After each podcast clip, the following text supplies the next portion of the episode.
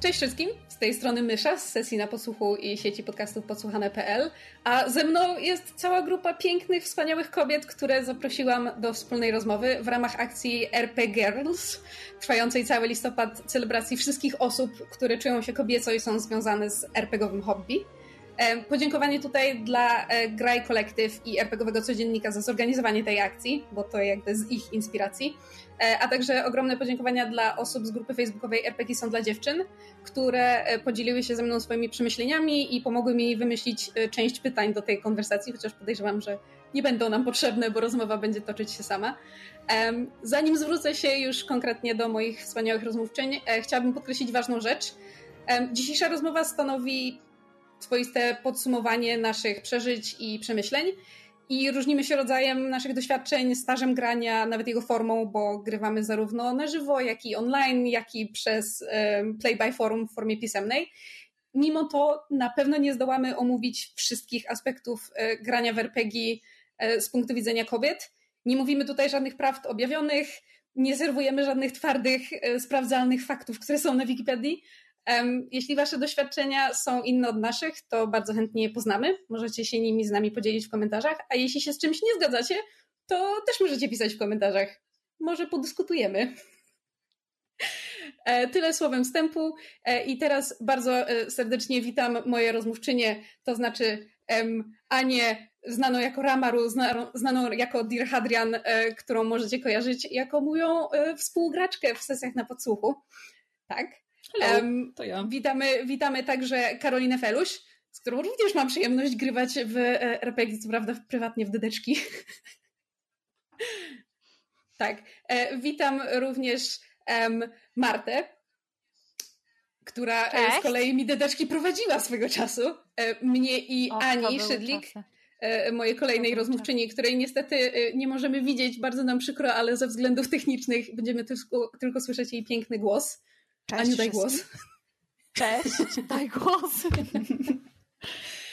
Jest też z nami Sandra e, Chlewińska. Bardzo serdecznie witamy. I jest z nami Zuza, znana jako Marmaris. I to już jest Hello. nasz komplet rozmówczyń. Udało mi się wszystkich przedstawić. Uf. Dobrze, słuchajcie Sandra dziewczyny, to skoro się zebrałyśmy, okay. tak Aniu? Nie, chciałam tylko powiedzieć, że Sandra i Zuza grają ze mną w tydeczki. I, i Zuza tak, jest moim mistrzem jesteśmy... gry, a, Sandra współgraczką. Jesteśmy tutaj kręgiem e, wzajemnej adoracji. Um, tak, postanowiłyśmy jak, się tak. zebrać. Tak. Um, prawda jest taka, że to też mam wrażenie jest um, element bycia kobietą w RPGach, to znaczy to jest system naczyń połączonych i takich jakby osób, które łączą ze sobą kolejne osoby i ta sieć się po prostu rozszerza i łączy coraz bardziej. Mhm. Um, w związku z tym chciałabym się Was na wstępie e, zapytać, um, ponieważ zebrałyśmy się tutaj jako grupa e, dziewczyn, ale podejrzewam, że mamy e, różne doświadczenie, jeśli chodzi o właśnie skład drużyn grania w RPG bo jakby mogą być różne składy. Można być jedyną kobietą w drużynie złożoną z samych panów, można być w drużynie, która jest jakby składem mieszanym, można być w drużynie samych dziewczyn. Wiem, że tutaj część pań ma z tym doświadczenia, więc moje pytanie do Was jest, jakie są Wasze doświadczenia w, w składach drużyn i czy zauważyłyście jakieś rzucające się w oczy różnice w tym, jak takie drużyny grają? Może zacznijmy od, od Ramaru um, jako, jako mojej współ, że tak powiem, e, graczki i, i współ e, ten współprowadzącej, żem cię wciągnęła tutaj, żebyś była ze mną. Wow, tak pierwsza. na pierwszy ogień. Tak jest. No dobra, ja generalnie grałam w. Znaczy, ja zaczynałam e, moją RPGową przygodę od, od forum, więc tam się grało tak naprawdę z kimkolwiek, jakby z osobami, które chciały grać w daną przygodę. E, no bo też po prostu mistrz gry na początku udostępniał post e, opisując, jakie ma plany, i zainteresowane osoby się zgłaszały, więc jakby nie miałam zbytniego wyboru jeśli chodzi o, o graczy i ich doświadczenie, ich wiek, ich płeć i tym podobne. E, ani jakby upodobania, e, ale z czasem jak te RPG się stawały coraz jakby bardziej istotną częścią w moim życiu, e, to po prostu mogłam wybierać z kim gram, bo jednak RPG zabier nie, zabierają. Trzeba poświęcić trochę czasu jednak na, na zagranie całej kampanii, która trwa po prostu w niektórych przypadkach lata, więc dobrze mieć osoby, z którymi wiemy, że się dogadamy, I w moim przypadku były to, w sensie to były mieszane grupy i chłopaki i dziewczyny i osoby niebinarne, ale także jakby te, teraz jak gram, to widzę, że częściej gram z dziewczynami jednak niż z chłopakami. Nigdy nie byłam w grupie, w której byli sami mężczyźni. Zawsze to było mieszane, chociaż wydaje mi się, że było mniej dziewczyn, ale nie tak, że nie było ich w ogóle. E, grałam e, sesje, w których są wyłącznie dziewczyny i, jakby teraz nasza kampania właśnie, którą prowadzi Zuza e, jest wyłącznie z dziewczynami, mimo tego, że nasze postaci są i kobietami i mężczyznami. Ale ja, tak. Nie, nie pamiętam, jakie inne pytania były. Jeśli to tylko skład drużyny, to, to u mnie tak to wyglądało. Zawsze to było mieszane, a czasami to były ekskluzywnie dziewczyny, bo po prostu miałyśmy podobne oczekiwania i, i upodobania. To może skoro wspominałaś o, o Zuzie prowadzącej um, drużynie samych dziewczyn, to jak to u ciebie Zuza wyglądało? Um, przez większość czasu grałam w grupach mieszanych. E, w Warhammera grałam przez długie lata z moją najlepszą przyjaciółką. E, gdzie byłyśmy dwiema dziewczynami jakby w męskiej, męskim towarzystwie. E, potem przez trochę czasu byłam jedyną dziewczyną w grupie um, o tyle dziwnej, że byłam najmłodszą osobą, co było trochę, um, trochę dziwne, kiedy, kiedy było się w drużynie z, z panami, którzy mieli żony i dzieci, tak, jakby kompletnie inny etap życia. E, no i, i parę razy mi się zdarzyło już wcześniej grać w grupie tylko z dziewczynami, no i teraz właśnie prowadzę, prowadzę wyłącznie damską drużynę e, i, i przy okazji grywam w towarzystwie mieszanym. I rozumiem, że Sandra też jest z wami w tej samej drużynie. Jak tak, u ciebie Sandra tak. było? Um, uh, ojej, uh, no dobra, więc uh, gram w RPG od chyba od 2010 albo 2011 roku E, I tak naprawdę e, miałam tylko trzy grupy, ale to były e, to moja pierwsza grupa, z którą gram do tej pory i gramy już no ile? No 10 lat. Um, no, właśnie. Więc jakby większość, większość mojego doświadczenia zebrałam grając tą jedną grupą, ale przez bardzo, bardzo długi okres czasu. I to, była, to był system Legenda Pięciu Kręgów. Natomiast e, półtora roku temu zaczęłam grać w Dedeki e, i e, nasza grupa tutaj z dziewczynami jest moją drugą grupą dedekową i gram jednocześnie właśnie z dziewczynami i z jeszcze jedną w jeszcze jednym secie z osobami z mojej pracy głównie. No, e, więc e, tak, e, tak to wygląda i e, ta nasza drużyna, z którą gramy od 10 lat, e, jest e, bardzo mieszana. to jest trzech, trzech chłopaków, trzy dziewczyny generalnie. Natomiast ta grupa dedykowa, moja pierwsza, no to dwóch, dwóch chłopaków, reszta, reszta, reszta dziewczyny. Jest nas, jest nas siedem osób wow. w ogóle. Tak. Tak, czyli jest dwóch chłopaków i pięć dziewczyn. E, generalnie duże to są grupy, w ogóle wszystkie. Um, no, nigdy nie grałam w jakiejś grupie poniżej, poniżej że czterech graczy albo mniej. to nie. Um, no i teraz z dziewczynami, no to no z dziewczynami, więc jesteśmy wszystkie, tak, wszystkie no. dziewczyny w grupie. E, Marta, bo ja wiem, że ty też masz doświadczenia z prowadzeniem wyłącznie babskiej grupie. Um, a czy tak. od tego czasu, jak żeśmy wspólnie grały, to coś się zmieniło w tej kwestii? Tak, zmieniło się, o dziwo. E, znaczy się, ja zaczynałam ogólnie granie w RPG jakoś około 5 do 6 lat temu. Boże, jak to szybko minęło, jak to dawno temu było. Zaczynałam od, najpierw od grania. E, byłam jedną z dwóch dziewczyn w czteroosobowej drużynie w Legendzie Pięciu Kręgów. Później... E, o! Tak stety albo niestety to jest długa historia, jeśli chodzi o, jeśli chodzi o tą kampanię, ale później jakby nie skończyliśmy całej kampanii, jakby w połowie nie mieliśmy czasu i tak jakby wiecie, jak to, wiecie jak to jest w dorosłym życiu, zgranie kalendarzy mm -hmm. w pewnym mhm. momencie po prostu nie wchodziło w ogóle w rachubę, więc jeden z kolegów, który grał w, w tej kampanii jako gracz, zaprosił mnie i moją koleżankę do jego kampanii Warhammera, którą graliśmy z dwoma naszymi wspólnymi kolegami. W sumie też nas była, w sumie była nas czwórka yy, i yy, w Warhammera grałam prawie dwa lata. I później, kiedy yy, ja sama się zastanawiałam, kurczę, jakby poprowadziłam coś, to stwierdziłam, że a co mi tam, nigdy nie grałam do deki, to będę mistrzować do deki. Więc zaczęłam trochę z grubej rury, jak to się mówi. I zaczęłam właśnie prowadzić kampanię dla myszy i dla tutaj Ani. Jeszcze była nasze, jeszcze dla dwóch innych koleżanek. I zaczęłam, jakby prowadzę, w tym momencie prowadzę trzy, cztery kampanie jednocześnie. O kurde. I tylko jedna z nich składa się w całości z dziewczyn, ale zawsze, kiedy jakąkolwiek nową kampanię zaczynam, to staram się w nie wciągać jak najwięcej dziewczyn. Mm. Zawsze. Jakby jest to spowodowane tym, że yy, ja kiedy byłam młodsza, kiedy byłam w gimnazjum albo kiedy byłam w liceum, bardzo chciałam grać w, w RPG ale nie miałam z kim i zawsze się tego wstydziłam, w sensie nie miałam, jakby wstydziłam się podejść do chłopaków i cześć, jestem Marta, chciałabym zagrać w RPG, więc staram się jakby być teraz tą Martą, którą ja bym chciała być dla, dla młodszej siebie i jakby zapraszam dziewczyny do RPGów, jakby mówię, chodźcie, jest super, ja wam poprowadzę. o. Więc, więc tak, tak to teraz wygląda u mnie, więc jeśli któraś dziewczyna tego słucha i chciałaby powiedzieć w RPG, to cześć. Polecamy tą mistrzynię gry. Mogę, Mogę, mogę wam zrobić. E, ja bardzo, ja bardzo lubię prowadzić w ogóle sesje dla zupełnie nowych graczy, szczególnie dla, dla, dla. Więc no. Tak, w razie czego spokojnie pod, pod tym filmikiem będą namiary do, do, do wszystkich dziewczyn, tych, które chcą, żeby ich szukać po tym internecie, więc e, jeżeli będziecie chcieli, um, e, chciały porozmawiać z Martą na temat ewentualnej gry, to bardzo zapraszamy. E, ale właśnie tutaj odezwała się też Ania, która e, grała w pierwszej Marty kampanii. To Aniu, jak to wyglądało u Ciebie? Kiedy zaczynałaś? E, jakie były tam składy drużynowe? Jak to u Ciebie wyglądało?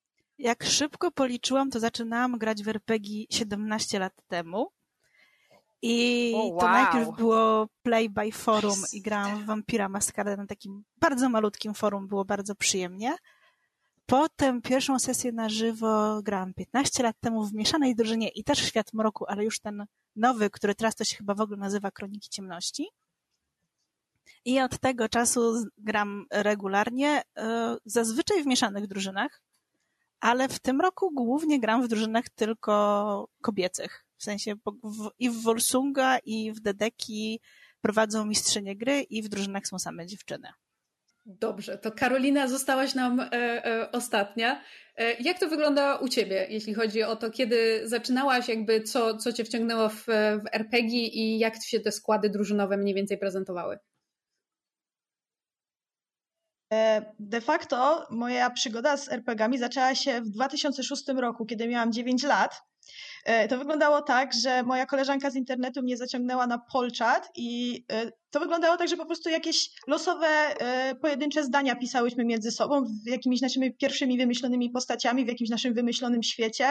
Akurat miałyśmy fazę na wampiry, więc to głównie były wampiry wtedy.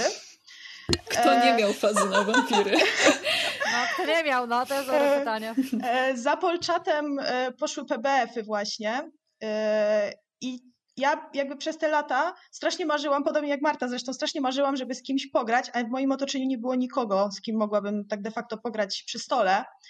I dopiero pierwszy raz udało mi się zagrać w D&D w edycji 3,5 E, przy stole w technikum, czyli w 2016 roku, kiedy poznałam mojego mistrza gry, z którym grałam od pięciu lat już i który prowadzi też sesję dla mnie i dla myszy. Pozdrawiamy. To... Pozdrawiamy. Generalnie zazwyczaj grałam w drużynie, gdzie są sami faceci i ja jako jedyna, jedyny rodzynek. Z tego względu, że jakby moje technikum samo w sobie e, sprawiało, że byłam takim rodzynkiem, bo to było technikum informatyczne i wtedy jeszcze nie było aż takiego parcia na to, żeby kobiety e, szły w stronę IT. E, na, na moim roczniku na tysiąc, tysiąc, e, w każdym razie kilkaset facetów było 20 dziewczyn, więc no, no tak. Tak sy sytuacja jaka była, taka była. Natomiast jakby z czasem pojawiały się jakieś inne dziewczyny, jakieś koleżanki mistrza gry, a potem właśnie rok temu e, zostałam zaproszona do kampanii tutaj z drużyną myszy. I to było moje pierwsze takie doświadczenie, kiedy e, miałam więcej dziewczyn przy stole, znaczy przy stole w cudzysłowie, bo to gramy przez internet, natomiast pierwszy raz miałam tyle dziewczyn e, w RPG-u i to było dla mnie zupełnie odświeżające, ale do tego może wrócę później. I, i w sumie tak. Teraz, teraz głównie gram w D&D 5e. Mhm. Ja w sumie mam takie pytanie do wszystkich. Czy, czy jak zaczynałyście grać w RPG, to y, czy one były jakby bezsystemowe? Czy, bo jakby przez to, że ja zaczynałam grać y, przez forum, y, to wiecie, na forum to jest główne, w sensie pisze się akapit tekstu i, i to jest twój, twój dzienny odpis na to, co się dzieje w sesji. Minimalne rzuty, minimalna mechanika, jakieś, wiecie, statystyki opierające się na, wiecie, od, od jednego do pięciu i tym podobne, więc żad, praktycznie żadnego e, skomplikowanego systemu. E, czy wy jakby wchodziłyście w, w RPG w od razu coś, co miało podręcznik i zasady, czy to była bardziej taka opowieść, która się snuje? To może ja zacznę, bo ja jeszcze nie mówiłam. Ale chciałam wspomnieć, bo u mnie pierwszym, autentycznie pierwszym RPG-iem, którego rozegrałam, e, jeśli pamięć mnie nie myli, to było tak, że na e, wakacjach na obozie językowym e, ktoś nam poprowadził dedeki, nie wiem, która to była wtedy edycja, ale ja stwierdziłam, że ta gra jest beznadziejna bo jakby graliśmy dwie godziny i większość tego to było wymyślanie postaci. I ja nie rozumiałam o co chodzi na zasadzie, ale gdzie my jesteśmy, ale z kim ja mam porozmawiać, kto tu jest, kim ja jestem, kim są ci ludzie, co się dzieje. Nie, nie byli mi w stanie wytłumaczyć, że mam, że, że to trzeba użyć wyobraźni. Parę, parę lat później w liceum moim pierwszym poważnym systemem był Wiedźmin gra wyobraźni ten stary Wiedźmin, ten oryginalny mm. Wiedźmin gra wyobraźni. Um, i grałam oczywiście Driadą i byłam z siebie bardzo dumna. I myślę, że dla mnie właśnie bardzo wiele mi dało to, że moim pierwszym systemem był system, który opierał się na jakby świecie, który znałam, bo nie było tego, że ja się musiałam nauczyć e, świata od zera i mechaniki, tylko musiałam się nauczyć samej mechaniki. I szczerze mhm. mówiąc, to jest coś, co do dzisiaj bardzo mocno się mnie trzyma. To znaczy, na przykład w Dedeki zaczęłam grać dlatego, że zaczęłam oglądać Critical Role i dzięki temu poznałam, jakby przez osmozę, przez, przez oglądanie poznałam system. Potem zaczęłam grać z ludźmi w świecie z Critical Role w Exandrii, w świecie wymyślonym przez Mata Mercera. I po tym naturalnym trybem zaczęłam grać z ludźmi już w ich oryginalnych światach, bo, bo mam jakiś taki opór przed, przed uczeniem się loru, bo mhm. jakby za, zazwyczaj wychodzę z założenia, że już nauczenie się mechaniki, zwłaszcza nowego systemu, jest już dla mnie wysokim progiem. Nie wiem, czy wy też tak macie. Mhm. Tak, tak, tak. Mhm. Zdecydowanie. Ale to może wracając do pytania Ani, bo ty się pytałaś o um, jakby kwestie właśnie pierwszych RPGów mhm. i... Pierwszych i, systemów. Mhm. No. Albo braku systemu, bo to też jest opcja. U mnie była sytuacja śmieszna i taka trochę mieszana, w sensie było trochę systemu, trochę nie, e, bo ja zaczęłam grać w 2002 roku e, i wszystko zaczęło się przez moją najlepszą przyjaciółkę, która stwierdziła e, po kilku razach oglądania Fantasy Battle'a, który był rozgrywany jakby klubie towarzyszącym klubowi magii anime, w którym obie, do którego obie należałyśmy. I ona stwierdziła, ej, słuchaj, wygląda fajnie, podobno jest też jakiś tam gra fabularna, znajdźmy kogoś, kto nam poprowadzi. I e, jakby e, był, był jeden człowiek w tym klubie e, bitewniaków, który prowadził, ale notorycznie do niego była długa kolejka, żeby zagrać. I po prostu któregoś dnia w tym klubie manki anime, jak my sobie rozmawiałyśmy, podszedł do nas kolega i stwierdził, ej słuchajcie, ja tam w sumie kiedyś prowadziłam Warhammera, mogę wam poprowadzić. Tylko, że prowadzenie Warhammera w jego wypadku polegało na, na wpół zapamiętanych zasadach i czterech czy tam pięciu stronach z podręcznika, które miał, więc graliśmy wyłącznie profesjami, które on zapamiętał, statystyki jakby, które miał w głowie, więc dosłownie było do wyboru. Wow. Możesz grać, nie wiem, łowczym, możesz grać banitą i możesz grać kimś tam, bo tylko tyle statystyk pamiętam.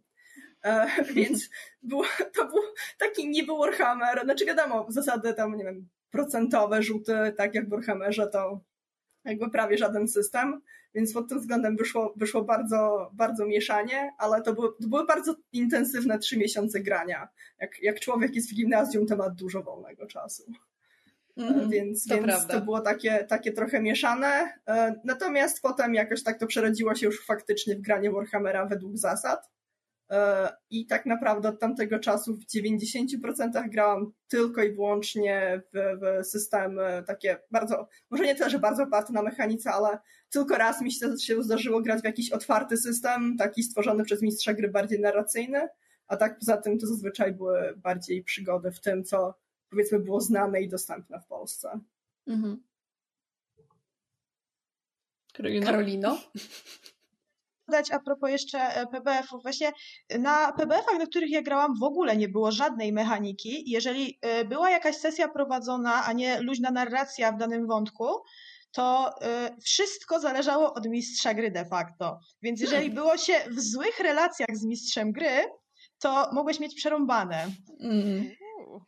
Z mm. mojego doświadczenia wynika, że y, na forum, na którym zagrzał, zagrzałam jakby y, swoje miejsce naj, na, najdłużej, e, jakby prywatne konflikty często przebijały się do fabuły i to było okropne na dłuższą mm. metę.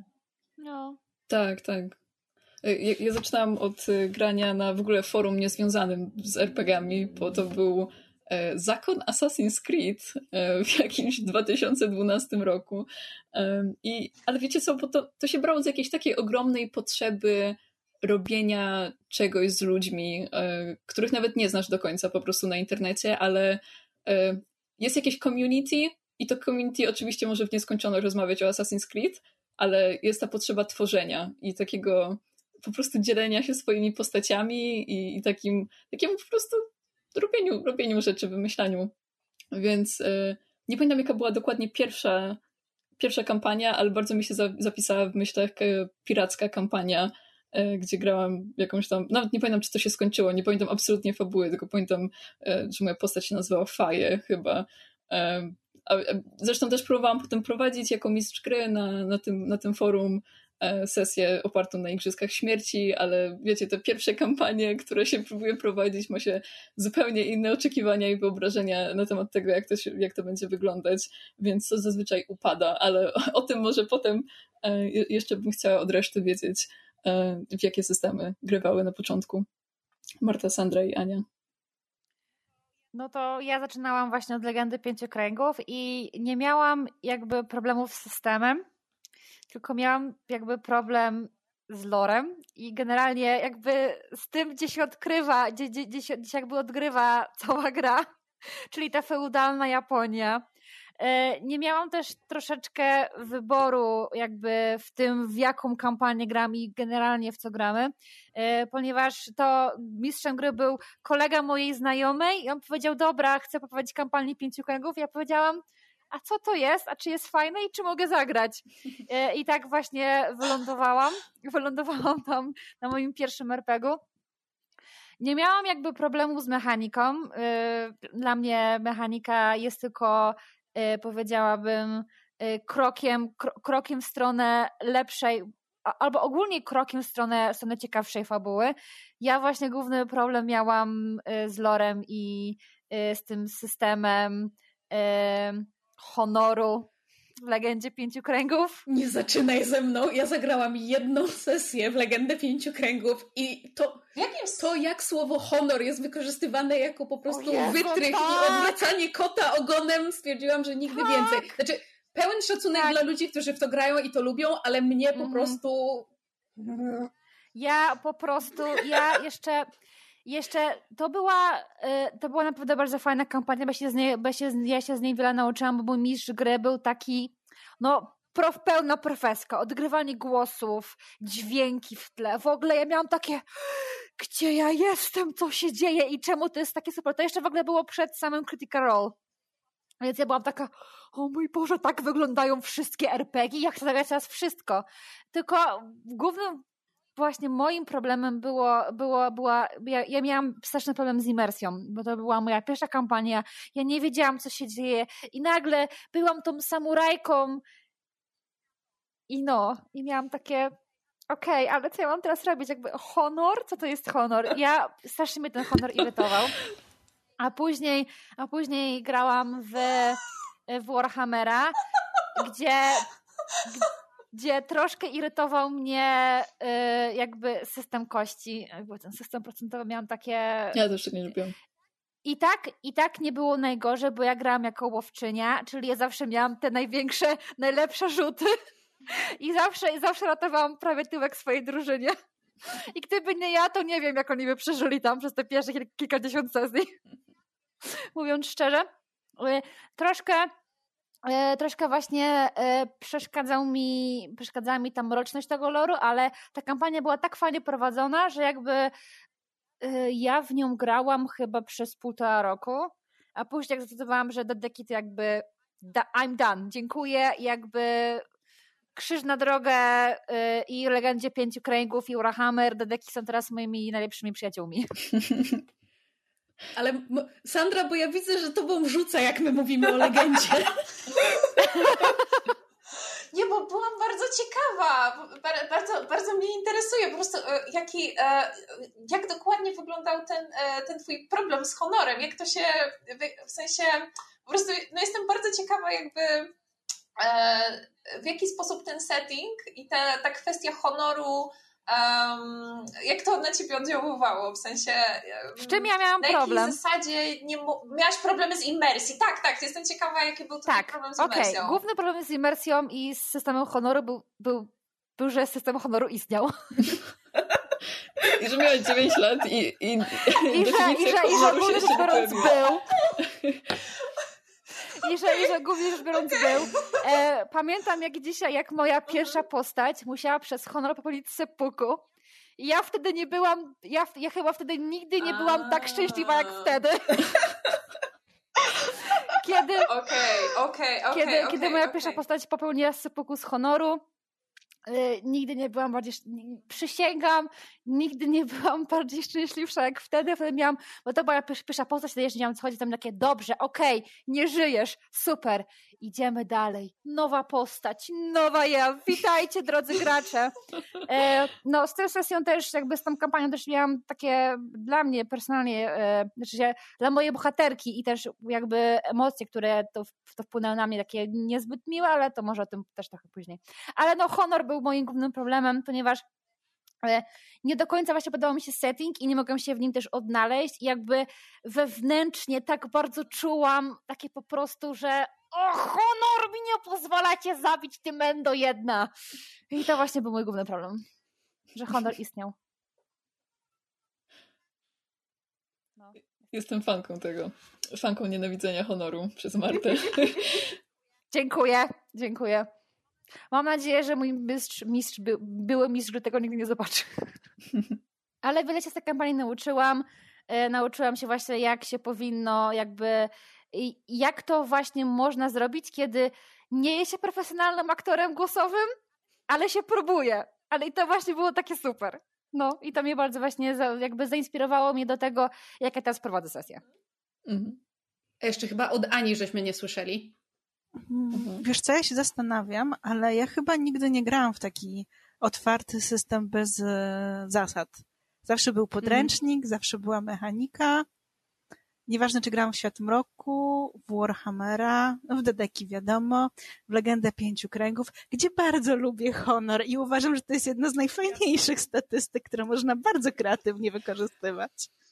Ja, ja, też bardzo lubię honor, też, też miałam jakby trochę doświadczeń w, legendzie, doświadczeń w legendzie i prowadząc, i grając, i e, jakby e, z punktu widzenia mistrza gry e, patrzeć na graczy, którzy zastanawiają się, czy mogą coś zrobić, czy będzie to wbrew ich honorowi, jest bardzo zabawne.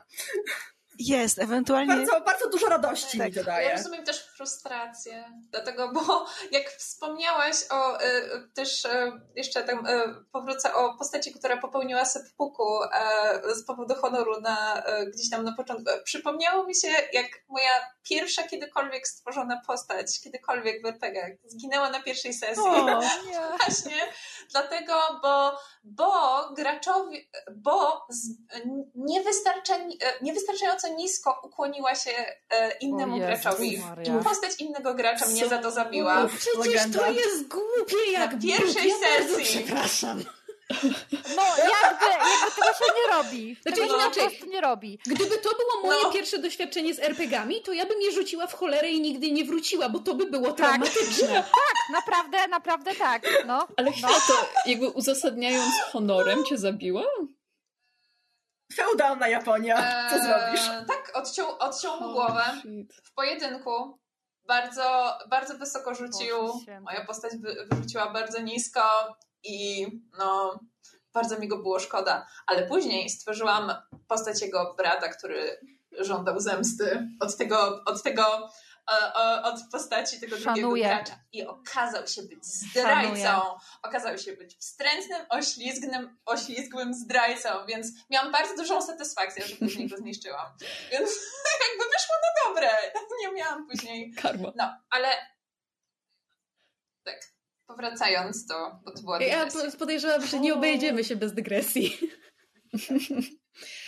Słuchajcie, bo tutaj, e, tak jak sobie gadamy, to e, parę razy usłyszałam rzecz, która jakby wydaje mi się ciekawa, to znaczy tutaj część z Was wspomniała o tym, że kiedy Wy zaczynałyście, to e, byłyście na przykład jedyną dziewczyną w otoczeniu facetów, a teraz bardzo często gracie w większości w stricte kobiecych grupach lub grupach mieszanych, które bardzo często mają przewagę kobiet. I moje pytanie do Was jest takie na zasadzie, czy po pierwsze, czy dla Was to jest rzecz pozytywna, w sensie, że kobiet jest więcej i autentycznie się o to pytam, dlatego że na przykład są, wiem, że są dziewczyny, które wolą grać w grupach, y, gdzie rozdział płci jest y, równy, albo gdzie właśnie są jedyną kobietą, bo są wtedy traktowane w bardzo specyficzny sposób.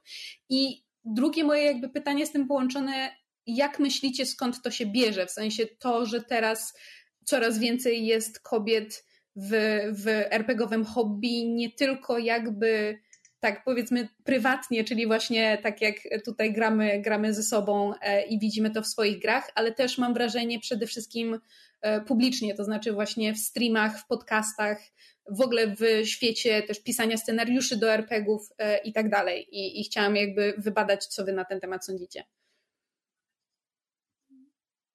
Tak, Marto.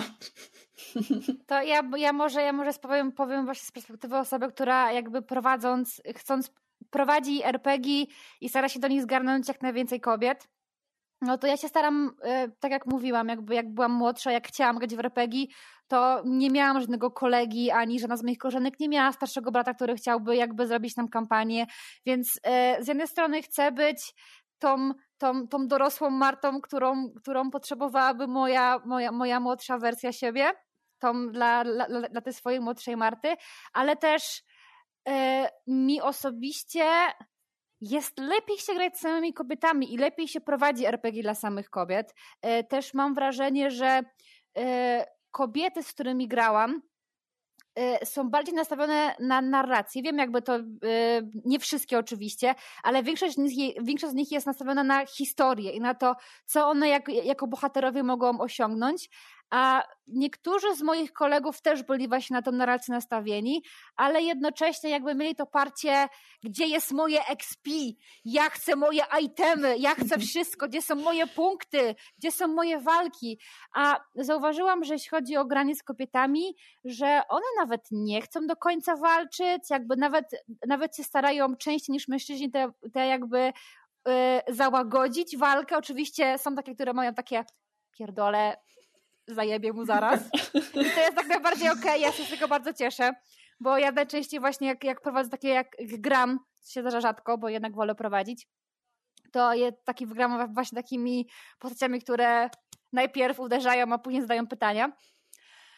I mi też, mi też właśnie osobiście się e, lepiej też się prowadzi dla kobiet i e, powiem to, że powiem też, że czuję się też bezpieczniej w grupie, która, w której się w większości składa z kobiet, albo w której przynajmniej są jakiekolwiek kobiety. Nie miałam żadnych przykrych sytuacji, e, takich e, personalnie, jeśli chodzi o granie z większą ilością mężczyzn. Nasłuchałam się ich od koleżanek e, i jakby na przykład w tym momencie jestem na grupie RPGowej w moim mieście i nie zgłosiłabym się do grupy, w której, było, w której byłaby większość mężczyzn, których nie znam. Po prostu. Mhm. Gdyby, gdyby nie było w grupie ani jednej kobiety. To jest smutne, ale no jakby no takie mamy czasy. Mhm. Karolina, chciałabyś coś dodać? Tak, a propos tej takiej, e, z perspektywy osoby, która grała głównie z facetami właśnie przez większość swojego, e, swojej kariery, e, ja mam takie wrażenie, że gdyby, gdybym dostała takie pytanie, czy wolę grać z dziewczynami, czy z chłopakami tak te cztery lata temu mniej więcej, to ja bym w życiu się na to nie zgodziła. A to się brało z takiego jakby uprzedzenia. Ja się nasłuchałam od moich kolegów, że jakie kobiety to nie są złe, problematyczne dla wszystkich i tak dalej. I to było mnie to do takiego uczucia, że ja, ja chciałam być jedną z tych chłopaków, nie chciałam być dziewczyną. E, I jakby wyleczyłam się z tych uprzedzeń tak naprawdę niedawno. I e, no, cieszę się jakby, że otworzyłam oczy, bo granie z dziewczynami jest e, świetne. A czy mogę Ci zadać pytanie, czy kiedy grałaś z samymi chłopakami, to to byli w większości Twoi koledzy albo koledzy kolegów? W sensie ludzie, których znałaś albo poznałaś przez znajomych? E, to znaczy, ja jak zaczęłam grać przy stole, to to, było, to byli dla mnie ludzie znani z widzenia. Ja ich e, kojarzyłam gdzieś tam z korytarzy szkolnych, ale nie miałam pojęcia, kto to jest. I jakby na początku byłam traktowana z takim jakby pobłażaniem, e, w sensie to zajęło im sporo czasu, żeby się przyzwyczaić, że mają kobietę przy stole. E, I jakby hmm. owszem, to minęło, minęło parę miesięcy i wtedy już mnie traktowali na równi ze sobą. Już jakby nie było pobłażania o statystyki i tak dalej, w związku z mechaniką oczywiście. E, ale też mam wrażenie, że to, że ja jako jedyna kobieta weszłam w męską drużynę, sprawiło, że ta gra nabrała narracji, bo ja miałam parcie na narrację, a chłopaki mieli parcie na, cóż, na kombat. No. Mam wrażenie, że jakby moja obecność trochę to zrównoważyła. Mhm. To, to jest bardzo trafne, y, jakby, bo ja gram głównie z kobietami i nigdy nie miałam, y, w sensie, jak grałam z mężczyznami, to nie miałam żadnego problemu na, na właśnie płaszczyźnie o tej, której wspomniała Karolina, z jakimś pobłażaniem czy coś w tym stylu, bo e, po prostu grałam ze znajomymi na przykład ze studiów albo po prostu ze, ze szkoły wcześniej, więc nie było jakiegoś takiego, wiecie, udowadniania, że mogę z wami grać, bo też lubię mechanikę i też lubię kombat i w ogóle. E, ale, ale e, było jakby widoczna, e, widoczny rozłam w oczekiwaniach miejscami, bo ja uwielbiam narrację i, i też lubię jakby narracyjne RPG, bo nie ma tej, tej takiej bramy i, i, jakiegoś takiego progu, na który trzeba wskoczyć, żeby, żeby móc zacząć grać po prostu. Bo, bo przy jakichś bardziej skomplikowanych systemach w sensie, mówię tutaj bardziej skomplikowanych, ale e, jak zaczęłam kiedyś grać w Warhammera, a zupełnie nie byłam do niego przyz, e, przyzwyczajona e, i grałam z dwoma, z dwoma chłopakami i jedną, jedną znajomą, to jakby ja dla mnie mechanika, mechanika w Warhammerze nie jest super skomplikowana, ale ja byłam tak nastawiona na narrację, że czasami mechanika mi przeszkadzała w po prostu tym, jak chciałam rozwinąć moją postać i co chciałam, żeby ona zrobiła, albo żeby po prostu się na przestrzeni poziomu zmieniła w określony sposób. Więc, więc to mi przeszkadzało, a po prostu wydaje mi się, że jak zaczyna się grać w RPG, bo zresztą czasami tak po prostu improwizuję RPG, jeśli się nie wiem, prowadziłam zajęcia dla, dla dzieci jakiś czas temu i mieliśmy po prostu dłuższą przerwę i po prostu tak po prostu wymyśliłam im jakąś, wiecie, fabułę. Na zasadzie jesteście, jesteście w lesie i właśnie zobaczyliście trolla czy coś w tym stylu. I, i tam, tam jest rzut kością D20, to jest jedyna mechanika jaka istnieje, a po prostu dzieciaki w to wchodzą od razu, bo po prostu chcą tworzyć historię i chcą wymyśleć jakieś rzeczy i um, i po prostu wolę grać właśnie bardziej narracyjne rzeczy, więc, więc też wydaje mi się, że dużo dziewczyn też ma taką potrzebę, bo skupia się na postaciach, na emocjach swoich postaci, na jakichś potencjalnych e, relacjach i romansach i takie. I po prostu e, lubię, lubię to eksplorować, bo, bo same, samo rzucanie kostką e, w walce by chyba mnie tak nie satysfakcjonowało, aczkolwiek czasami jakby ja mam tendencję do robienia postaci, które są albo pacyfistami, albo są przynajmniej dość spokojne, więc nie chcą się cały czas bić, więc mam ogromny problem z tym, jak po prostu siadam do sesji i mam takie poczucie, dzisiaj chcę kogoś zabić na tej sesji. tylko nie mogę. Więc proszę, dajcie mi tu jakiś kombat, żebym mogła zmusić moją postać do, do morderstwa. Um, ale ale no, no mówię, jakby rzadziej mi się to zdarza. Fajnie sobie rzucić kością fajnie kogoś zabić, i strategia jest świetna. Ja jakby uwielbiam, uwielbiam takie rzeczy. Y, jakby, jakby uwielbiam je, ale bardziej uwielbiam narrację po prostu. Mhm. u mnie generalnie chyba miałam dużego, duże szczęście do mężczyzn, z którymi grałam, bo praktycznie żaden z nich nigdy nie był nastawiony na kombat. E, wszyscy byli nastawieni na fabułę, natomiast dla mnie największą różnicą, jaką widzę przy prowadzeniu teraz właśnie dziewczynom i, i graniu w grupie powiedzmy bardziej męskiej albo pół na pół, jest to, że e, większość panów, z którymi ja gram, która jest nastawiona na narrację, jest bardzo goal-oriented i oni bardzo chętnie grają w sesje bez walki, mogą być nawet miesiące bez prowadzenia jakiegokolwiek kombatu, ale oni muszą czuć, że wykonali jakieś zadanie.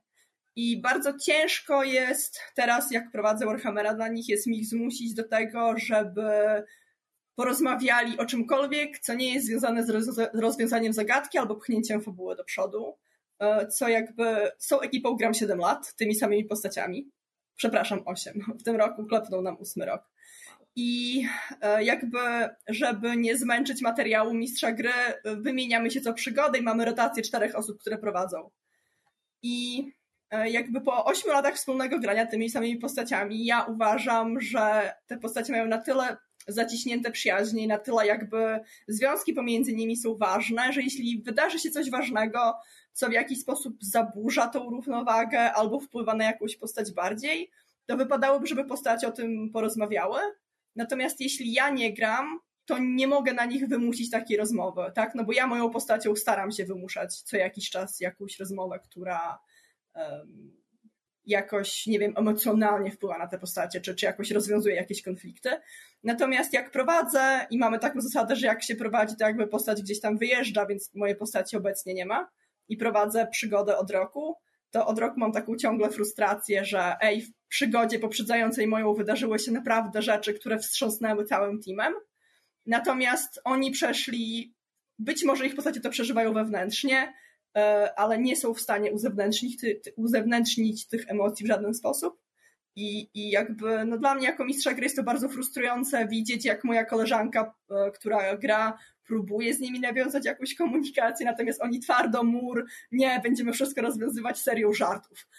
I, i jakby to jest chyba największa różnica, jaką, jaką ja widzę, że dla mnie to nie jest kwestia kombatu bądź braku kombatu, tylko właśnie tego takiego nastawienia tylko i wyłącznie na misję, bo nastawienie na misję jest fajne, jeśli temu towarzyszy jakiś rozwój emocjonalny czy psychologiczny mhm. postaci. Mhm. Aniu, czy chciałabyś coś, coś dodać? Coś w tym jest. Znaczy, coś w, tym w sumie z tego, co zauważyłam, to rzeczywiście tylko w tych drużynach, w których gram tylko z dziewczynami i mistrzuje też nam dziewczyna, jest takie właśnie mniejsze zorientowanie na tą misję, którą trzeba wykonać, a bardziej na takie odgrywanie postaci, to, że możemy sobie posiedzieć w karczmie i podyskutować nad sensem życia, a nie od razu biec i mordować te gobliny, które trzeba zamordować. E, ale to jest chyba tylko jedyna różnica, którą zauważyłam, szczerze mówiąc. Ale fakt, że ja zawsze gram w grupach, w których albo jest pół na pół, albo często jest też tak, że mistrz gry jest e, mężczyzną, a poza tym są same graczki, więc to też jest w sumie prawie, mhm. że żeńska drużyna. To jest w sumie ciekawy układ, którego, który miałam tylko raz i zupełnie przez przypadek.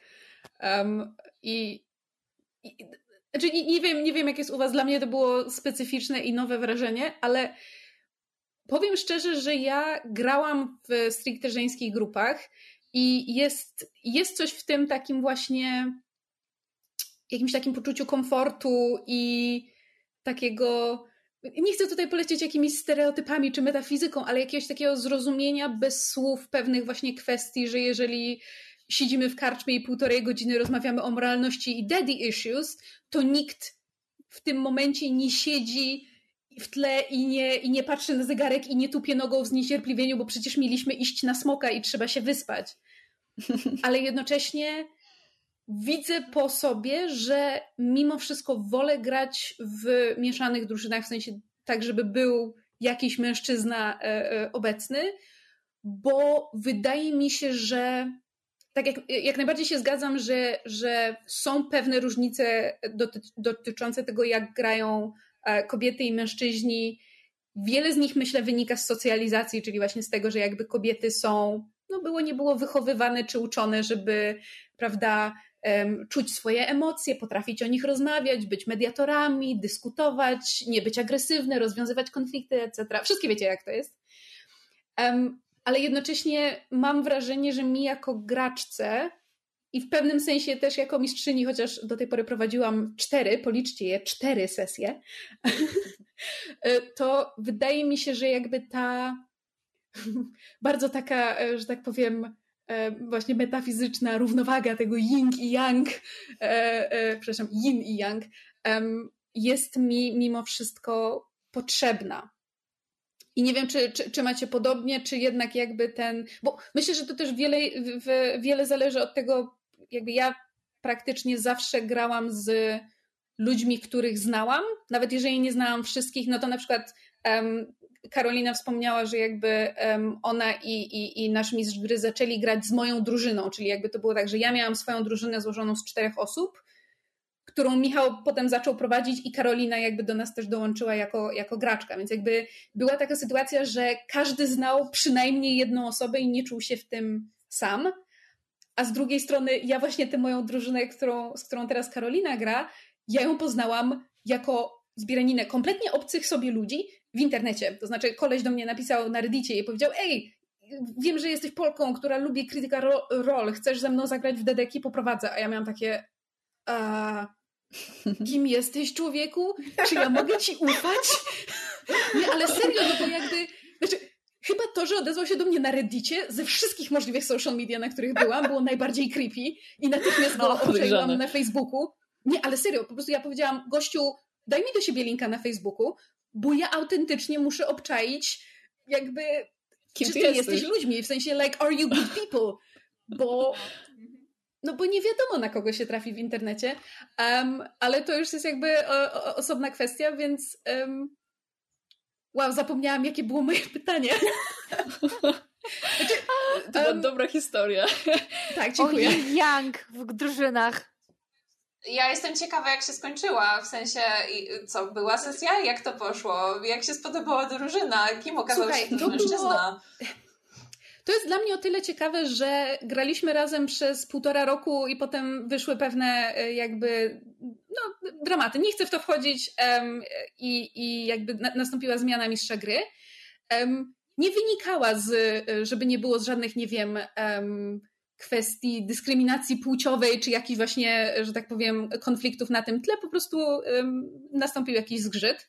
Natomiast to, co mnie zafascynowało i to jest coś, co obserwuję teraz większość czasu, to jest to, że większość ludzi, z którymi gram teraz w RPG, konkretnie w Dedeki, bo to jest jakby mój e, drug of choice, um, ale pomijając moich przyjaciół, mojego męża i jego przyjaciół, których znam już ponad 10 lat i z którymi gram i z którymi nagrywam sesję na podsłuchu e, i za założyłam e, podsłuchane.pl, to jakby inni ludzie to są ludzie, których poznałam przez internet, ale to są praktycznie tylko i wyłącznie ludzie z fandomu Critical Role.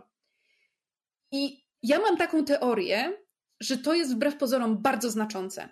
Dlatego, że tak mhm. jak tutaj rozmawiamy na temat tego, że um, kobiety jakby skłaniają się bardziej w stronę narracji, backstory, emocji, a mężczyźni w stronę jakby właśnie goal-oriented, akcja, walka, e, mechanika i prawda, dodawanie, dodawanie cyferek i tak dalej, to ja z kolei mam wrażenie, że Critical Role ze względu na to, że jest mimo wszystko historią bardzo nastawioną na narrację i na wspólne tworzenie historii, i co więcej, jest historią tworzoną przez ludzi o mimo wszystko lewicowych poglądach i bardzo jakby starających się, żeby ich społeczność była otwarta, ciepła, tolerancyjna i właśnie szerzyła tę miłość do RPGów. Mam wrażenie, że to sprawia, że ludzie, którzy lubią Critical Role, są jakby z marszu już bardziej na mojej fali. Więc mhm.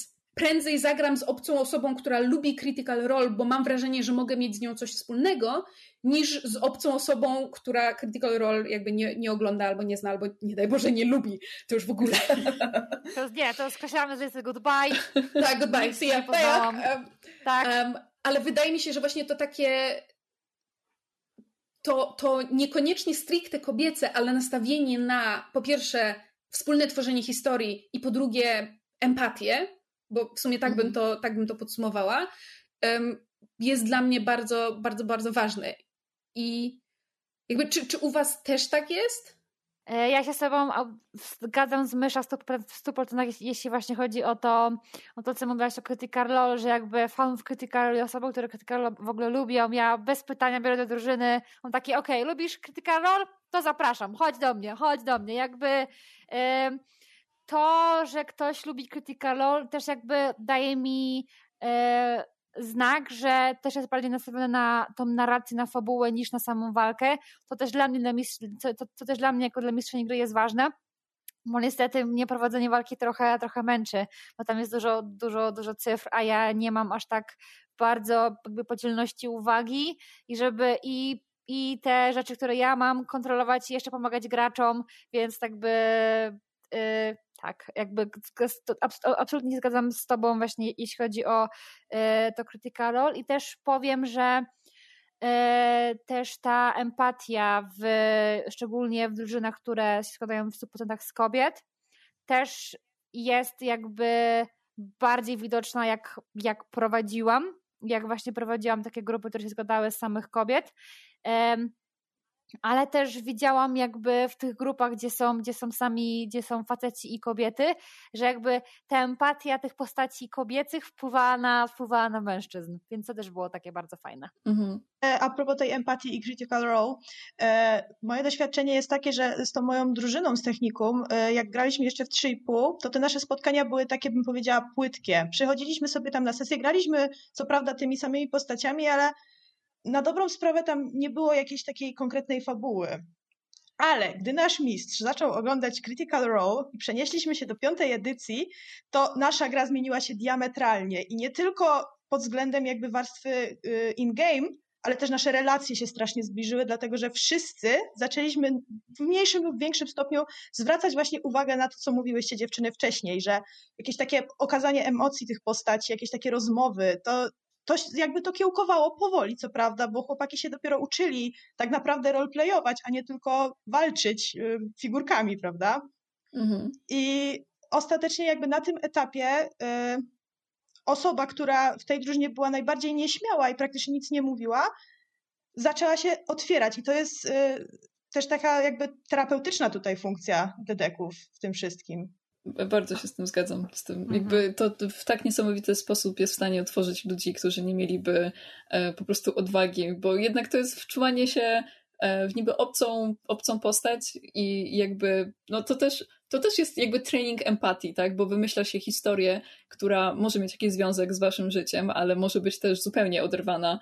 E, jakby bardzo, wiecie co, swego czasu strasznie mnie ciekawiło to, dlaczego tyle osób zabija swoich rodziców, backstory swojej postaci, bo to jest jakby, to jest okropnie trudna rzecz do wczucia się, jakby, nie, znaczy, jeśli masz jakby żyjących rodziców, e, a po prostu wklejasz sobie jakby tragedię w życie swojej postaci, to jakby wydaje mi się, że niektórzy gracze robią to, żeby sztucznie pogłębić swoją postać, bo hasło pod tytułem Moja rodzina nie żyje, a moje miasto zostało zmiecione z powierzchni ziemi jest bardzo wygodne, bo to daje jakby pozór jakby głębi twojej postaci, ale jeśli nie wczujesz się w tą postać i nie będziesz próbował odgrywać tej jakby daleko idącej traumy związaną z tym wszystkim, to, to jakby nie ma tego samego impaktu na grę. E, i jakby po prostu lubię strasznie lubię patrzeć, jakie decyzje jakby narracyjne i emocjonalne ludzie jakby podejmują w, w, w ogrywaniu swojej postaci. Znaczy, kontropinia do no. martwych rodziców.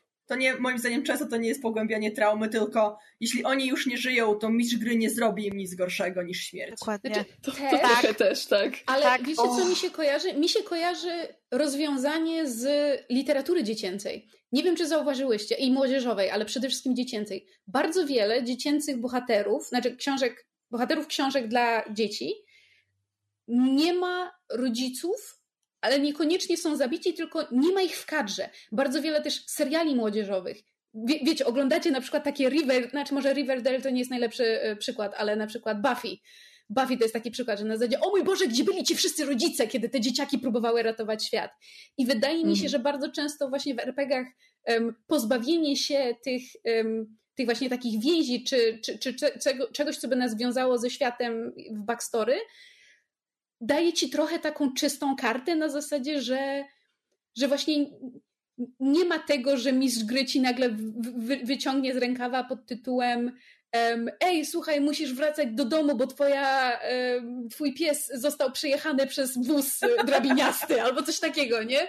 Więc jakby po prostu dajesz sobie czystą kartę na to, żeby, żeby tworzyć swoją postać od tego momentu, a niekoniecznie musieć brać pod uwagę jakieś strasznie skomplikowane koneksje w, w backstory. Mhm. Mhm. I też może, e, może to też wynikać z tego, że jakby sam fakt, że nie mam rodziców, oznacza, że mogę iść w świat, mogę jakby żyć własnym życiem, ale też może, może, to, może to też oznaczać to, że gracz po prostu ma mniej imion do zapamiętania. Na przykład. Z trzeciej strony są też takie systemy, w których musisz mieć rodzinę. Na przykład w Legendzie Pięciu Kręgów praktycznie nie możesz zrobić postaci, która właśnie rodziców mi wymordowały orki i cała moja wioska została spalona, nie mam nikogo bliskiego, bo tam jakby postać z definicji jest częścią jakiejś rodziny. Zawsze mhm. możesz być Roninem. Zawsze. No niby tak, ale wtedy też zazwyczaj mistrz gry ci w końcu wyciągnie jakiegoś tego wujka czy ciotkę, tak. którzy przyjeżdżają, żeby cię ratować. Hmm. Ja, ja, trochę zaciekawiło mnie stwierdzenie, że e, stwierdzenie myszy z tą czystą kartą, e, bo ja właśnie zawsze jak tworzę postać, to, to jest e, zaprzeczeniem czystej karty, bo zaczynam po prostu z postacią, która mimo tego, że fabuła się dzieje od tego momentu i oznaczamy ten, że to jest początek, ten moment rozpoczęcia fabuły, to moja postać zawsze jest jakby w trakcie czegoś i, i właśnie nie ma czegoś takiego, że o nie, że teraz nagle jego przyszłość po niego wróci, e, kiedy akurat się tego nie spodziewał. Właśnie ja tego wręcz oczekuję od, e, od fabuły i od, od gracza, w sensie od, od mistrza gry. Tak, ale żeby... weź też pod uwagę, mhm. że bardzo często w swoim backstory zostawia się puste miejsca, które mistrz gry może mhm. wypełnić. I jest mhm, taki też, no. typ gracza lub jest taki typ postaci, którą chcesz odegrać, gdzie dajesz mistrzowi po prostu, wiesz, słynna amnezja to jest dawanie mistrzowi carte blanche na zasadzie fuck me up, DM, fuck me up. To jest, to jest, prostu, to jest miód na moje amnezji, serce Aniu. jako mistrzynię gry. Opowiedz mi, Aniu, ja, o amnezji. Ja bym bardzo chciała mieć gracza, który mi powie Marta, moja postać nie pamięta niczego. To jest po prostu rzecz, o której ja jako mistrzyni gry śnię. Ja chcę. Dajcie mi, naprawdę Trafiłeś? potrzebuję tego. Ja chcę tak zniszczyć graczowi przeszłość. Zrobię ci to następnym razem, jeśli chcesz. Ania, proszę, tak, zrób mi, zrób mi tak, zrób mi tak. Moja obecna spełnij postać... Moje, spełnij moje y, y, GM-owe marzenie. Dobrze. Daj mi carte blanche.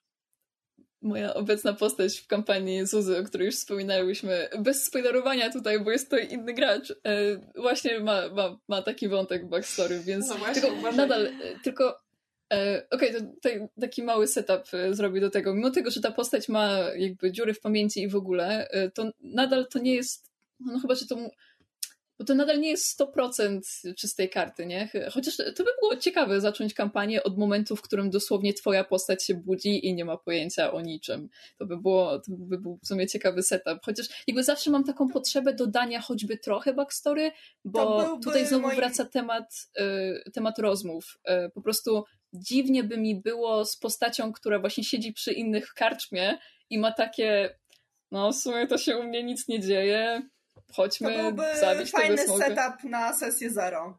E... Tak. Hmm. Mhm. Tak, Takie, taki absolutny blank, ale, ale masz rację, że na etapie, kiedy spotykasz już się z drużyną, byłoby to trochę niewygodne do poprowadzenia, w sensie elo jestem, nie wiem kim jestem, nie wiem co tu robię. No nie wiem, ja mogę, mogę wrócić trochę do tego tematu tych, tych mieszanych teamów. Mhm. E, ja niestety nie mam doświadczenia specjalnie z graniem z ludźmi, którzy oglądają Critical Role'a, poza Anią i trochę Sandrą. E, I, i jakby tą ekipą, którą, której, której teraz prowadzę, e, dziewczęcej. Natomiast jakby u mnie, mówię, zawsze mi się trafiała bardzo fajna grupa panów, która do jakiegoś tam stopnia chciała roleplayować, natomiast teraz gram, obiecałam, że się pochwalę nimi, więc muszę się nimi pochwalić. Obecnie gram w Maga Wstąpienie. W ogóle Świat Mroku to jest jeden z moich go-to settingów. Uwielbiam, a Mag to jest chyba mój all-time fave. I um, prowadzi nam kolega, z którym grałam chyba trzy lata temu. I jakby um, cała, cała moja na nowo przygoda z graniem u niego zaczęła się od tego, że zapisał do mnie wiadomość na Facebooku pod tytułem Ej, chcę poprowadzić bardzo krótką kampanię wampira. Um, i, I wiem, że lubisz odgrywać postacie i lubisz takie bardziej narracyjne sesje i, i bardzo chciałbym, żebyś zagrała, nie? I to było takie, o kurde, my, my dreams are finally coming true. E, moje, mój ulubiony setting i, i jeszcze ktoś, kto, kto jakby z góry nastawia się na to, że ma być emocjonalnie, ma być o przeżyciach postaci, ma być o jakichś doświadczeniach i oczywiście jest tam gdzieś ta misja i jest nawet bardzo, bardziej lub mniej ważna, ale jakby nie brakuje takich bardzo intense character moments mhm. i, i jakby E, muszę, muszę bić pan na jego, na jego cześć, bo e, absolutnie jest to na tę chwilę moja ulubiona kampania, w którą, w którą gram. E, więc wydaje mi się, że jest to bardziej podejście do grania i, i to, żeby znaleźć ekipę, która zgadza się jakby z tym stylem grania, który odpowiada reszcie, tak? Że na pewno ja bym się nie odnalazła w teamie, który by stwierdził, dobra, to jedynym naszym zainteresowaniem jest zdobycie luta expa i rozwój postaci, tak? Mm-hmm. Wiem, że, że w takiej ekipie absolutnie bym stwierdziła, że nawet gdyby to była grupa tylko dziewczyn, to byłoby takie sorry guys, to, to jakby absolutnie nie jest to, co mnie interesuje. Mm, no. Więc wydaje mi się, że po prostu trzeba e, trzeba znaleźć ekipę, z którą, z którą się dobrze da dogadać, ale jakby są też, też panowie, którzy są bardzo zainteresowani bardziej opowieścią niż, nie wiem, turlaniem kości i. Mhm. Znaczy, myślę, że tutaj wspomniałeś coś taskiem. bardzo ciekawego, to znaczy kwestie właśnie, po pierwsze, jakby zgrania się z ludźmi, którzy chcą grać w taki sam sposób jak my, czyli właśnie na przykład bardziej narracyjnie, bardziej w stronę akcji, bardziej mechanicznie, ale też kwestia systemu, bo jednak są takie systemy, które w pewien sposób wymuszają właśnie pewien styl gry albo pewien rodzaj opowiadania historii. Tak jak Ania e, wspomniała kwestię legendy pięciu kręgów i tego, że jakby bez rodziny czy bez rodu jest ciężko. Tutaj też żeśmy mówiły o, o jakby takim w pewnym sensie terapeutycznym działaniu RPGów, co dla mnie jest ciekawe, bo właśnie dla mnie na przykład wampir, e, czy w ogóle poruszania trudnych kwestii w trakcie odgrywania postaci. Dla mnie tutaj Wampir i Świat Mroku jest ciekawym przykładem, bo dla mnie to jest ten taki system, który najbardziej się właśnie z tym kojarzy. Że owszem, tam jest bardzo dużo polityki i intryg i wiadomo, pisia krwi i tak dalej, ale to też jest ten system, gdzie bardzo często właśnie te takie najbardziej jakieś mroczne wątki wchodzą, czy te takie elementy, które potrafią naprawdę autentycznie poruszyć na, na sesji. I tutaj chciałabym o czymś wspomnieć, bo Mówiliśmy o kwestiach jakby czucia się swobodnie na sesji, czucia się bezpiecznie w drużynie, kwestie właśnie takiego um, terapeutycznej roli, którą RPG potrafią odgrywać, ale te, także kwestii rozpracowywania pewnych traum.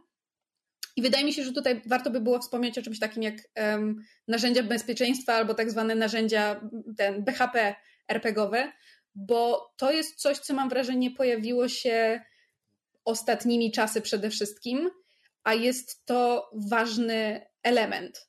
To znaczy, na przykład, nie tak dawno na, na grupie facebookowej Panie i Panowie Zagrajmy w RPG była, nie po raz pierwszy, drobna głównoburza e, o kwestię karty X, o której e, podejrzewam, że mogłyście słyszeć. To jest jakby narzędzie właśnie bezpieczeństwa, które, się, które mistrz gry kładzie na stole i jeżeli jest jakiś temat lub zagadnienie, lub scena, która się dzieje, która dla kogoś jest niekomfortowa, e, triggeruje go, wywołuje jakieś nie, niepożądane uczucia, czy przywołuje jakieś traumy, to wtedy po prostu gracz kładzie rękę na X-ie, scena jest ucinana i przechodzimy do kolejnej sceny. I tego typu narzędzi bezpieczeństwa jest więcej. Są tak zwane trzy kolory, czyli jakby można zakomunikować, że że jakby kolor zielony to znaczy, że scena jest spoko, jesteśmy, prawda, game i będziemy grali dalej. Jest kolor żółty, który oznacza, że ej, czuję pewien dyskomfort i postępujmy dalej, ale ostrożnie. No i kolor czerwony, który oznacza ej, sorry, ale to już jest przekroczenie granicy i, i zmieńmy temat. Są tak zwane lines and veils, czyli um, linie i welony. Zasłony. Zasłony. Tak. Um, czyli jakby linie to są właśnie takie jakby rzeczy, których, których nie należy przekraczać. czyli takie jakby twarde tematy pod tytułem na przykład nie chcę, żeby na sesji był temat przemocy wobec kobiet. I po prostu tego tematu nie ma. E, a zasłony czy, czy welony to jest jakby rzeczy, które mogą się rozgrywać, ale spuszczamy na nie zasłony. Czyli wiecie, to jest ta taka scena w amerykańskim filmie, kiedy e, mężczyzna i kobieta się do siebie zbliżają i zaczynają się całować i wiemy, że do czegoś dojdzie, po czym jest najazd na kominek albo właśnie falującą zasłonę. To jest właśnie jakby mhm. tego typu um, przychodzenie nad tematem um, pod tytułem no wszyscy wiemy, co tam się wydarzyło, moving on. Um, I wydaje mi się, że mhm. tego typu narzędzia bezpieczeństwa to jest coś, co na przykład kiedy ja zaczynałam grać w RPG, czegoś takiego nie było. Kwestie um, consent, czyli właśnie wyrażania zgody na pewne rzeczy w ogóle nie były brane pod uwagę. Na przykład, y, przepraszam, bo ja tutaj będę kontynuować, um, ale przypominam sobie taką właśnie sytuację z Vampira. To była moja pierwsza sesja Vampira. Zupełnie nowym mistrzem gry, w sensie jakby nie miałam z nim wcześniej styczności. I on zaczął nam prowadzenie od tego, że poprowadził nam sesję jakby zero, pojedynczo. Każdego gracza wprowadzał pojedynczo w, w świat, w świat mroku i, i dokonywał przemiany. Ja miałam grać gangrelem i byłam w ogóle super ten, super podekscytowana, bo wiecie, gangrele mają coś wspólnego ze zwierzętami, zwierzęta są takie fajne i w ogóle będę wampirem, całe życie marzyłam, żeby być wampirem. Po czym um, mistrz gry dokonał mojej przemiany w taki sposób, że zanim moja, moja postać została przemieniona, to e, dostała pazurami przez twarz i potem została przemieniona i przez całą resztę sesji, znaczy przez całą resztę kampanii e, miała na twarzy cztery szramy, no bo jakby wiadomo, że jak się przemienia wampira, to on zostaje w takiej formie, w jakiej był, kiedy zmarł. Więc potem przez całą kampanię moja postać była znana jako szrama na ryju. Hmm. I znaczy, umówmy się, na tamtym etapie byłam, nie wiedziałam, co, co mi wolno, a, czego mi nie wolno jako graczce i, i czy wolno mi wyrazić swój sprzeciw. Nie było to coś, czego chciałam. I dłuższą chwilę zajęło mi, e, nie, nie bójmy się tego słowa, pogodzenie się z tym, że moja postać została potraktowana w taki sposób. I w sumie do końca nie byłam z tym ok. To znaczy, nauczyłam się to lubić, nauczyłam się, jakby moja postać nauczyła się być bardzo dumna ze swoich ze swoich, e, no, nie szram, blizn. O, to jest to słowo, którego szukałam. Blizn.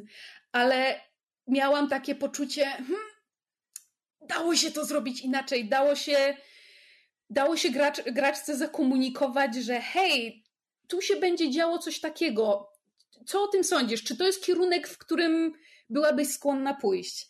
Um, I tutaj moje pytanie jest do Was właśnie po pierwsze o takie sytuacje, gdzie jakby ta kwestia zgody czy jakiegoś takiego porozumienia z, z mistrzem czy mistrzynią gry była no niezbyt komfortowa i kwestia właśnie narzędzi bezpieczeństwa, czy, czy w waszym pojmowaniu coś się w tej kwestii zmieniło, czy to jest coś, co stosujecie w ogóle jako, jako mistrzynie, albo chcecie, żeby było stosowane jako graczki. Tutaj widzę Marta, że już podnosi rękę. Ja wiem, że ty masz swoje e, tutaj ten tak. przyzwyczajenie jako mistrzyni tak, ja nawet nie o samych przyzwyczajeniach, ale też właśnie o, o tym, co mówiłaś, Mysza, o tym właśnie, że jak ja też zaczynałam grać w RPG, zaczynałam od tej legendy pięciu kręgów, też nie do końca wiedziałam, że mogłam powiedzieć nie jako graczka. W sensie, że mogłam powiedzieć, że mnie, mnie jako Martę, mnie to, to się teraz dzieje, nie czuję się z tym komfortowo i tak właśnie było w Legendzie Pięciu Kręgów i trochę, trochę mnie to smuci, bo to jest ta scena, którą ja pamiętam najbardziej z tej całej kampanii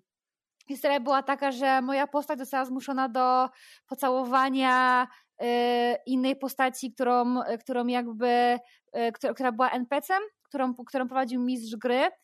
I ja tego jako graczka, jako, jako graczka nie chciałam zrobić. Jakby czułam się z tym niezwykle niekomfortowo, ale zostało to na mnie jakby wymuszone i nie czułam się, nie czułam się komfortowo też jako, że moja postać mogła powiedzieć nie. Mhm. Jakby nie był przede mną postawiony żaden inny wybór. Przynajmniej ja tak się w tym momencie czułam. I to mnie właśnie nauczyło bardzo. I szczególnie gram w RPG. Oczywiście to, jak, jak zaczęłam prowadzić RPG, i to jakby też, też się musiałam tego sama nauczyć, że um, ja jako mistrz RPG zawsze daję moim graczom na wstępie tak zwany consent sheet. Czyli listę wszystkich rzeczy, które mogą ludzi triggerować, i żeby sobie po prostu zaznaczali, czego na pewno w, w tej kampanii nie chcą, z czym ewentualnie po porozmawianiu z mistrzem gry może w kampanii występować, a na co wyrażają zgodę. I to jest taka mm. lista, która zawiera, tylko ja ściągnęłam ją z internetu, która zawiera takie rzeczy jak homofobia, rasizm, seksizm, e, aborcja, jak chcecie, żeby wyglądały sceny seksu, czy mają być explicit, czy nie, i, tego, i, i, takie, tego, i takie tego typu rzeczy. Ale ja też jako mistrzyni na wstępie mówię swoim graczom, że słuchajcie, ja to robię w wolnym czasie. To jest, to jest to, jak ja lubię spędzać swój czas i na przykład nie chcę spędzać czasu wymyślając, jak bardzo homofobiczna może być moja kampania, albo jak bardzo seksistowska może być moja kampania. Więc na wstępie mówię graczom, że są rzeczy, których po prostu u mnie nie ma. Nie mhm. ma u mnie homofobii, nie ma u mnie seksizmu, bo jakby nie ma u mnie rasizmu, bo jakby mam te rzeczy na co dzień po co mam je, jest, po co mam je też mieć w swoim wymyślonym świecie, który ma mi sprawiać przyjemność. Jakby mhm. rozumiem, że są osoby, które chcą mieć takie rzeczy w kampaniach swoich. Ja nie jestem jedną z nich. Jakby absolutnie no go. Ale też e, bardzo ważne jest dla mnie e, na przykład z moimi graczami przegadanie wcześniej, jak bardzo krwisto mam opisywać sceny na przykład śmierci NPC-ów albo generalnie sceny ataków. Ja lubię takich rzeczy opisywać dokładnie, jak to się wszystko leje itp. itd. Ale rozumiem, że są gracze, którzy na przykład czują się z tym niekomfortowo, albo którzy na przykład niekomfortowo czują się z przemocą wobec zwierząt która, no nie ukrywajmy, obecnie prowadzę dwie kampanie w świecie w, w, w Stradzie, w Klątwie Strada. I jakby te elementy w tej kampanii są, ale wiem, że niektórzy gracze mogą się, mogą się czuć z tym niekomfortowo. I jak się czują z tym niekomfortowo, to chcę, żeby wiedzieli, że mogą z tym do mnie pójść, przyjść i powiedzieć, że sorry, ale to nie jest ok, ponieważ ja się tak kiedyś nie czułam. Mhm. I nie chcę jakby moich graczy też w takiej samej, e, jakby nie chcę, żeby moi gracze się czuli tak, jak ja się czułam kiedyś. Mhm. Sandra, tu widzę, zareagowałaś na kwestię, że tak powiem, złego traktowania zwierząt. Czy, czy jakby miałaś takie sytuacje, niekoniecznie z tym tematem, ale na przykład z innymi, które właśnie wywołały Twój dyskomfort w trakcie gry i czy jakby byłaś sobie w stanie z tym jakoś poradzić, y, kiedy to miało miejsce? Czy to są właśnie rzeczy, które na przykład, tak jak u mnie i u Marty, przyszły z czasem, z doświadczeniem, że można powiedzieć nie? Wow! Wow, nie? Wow!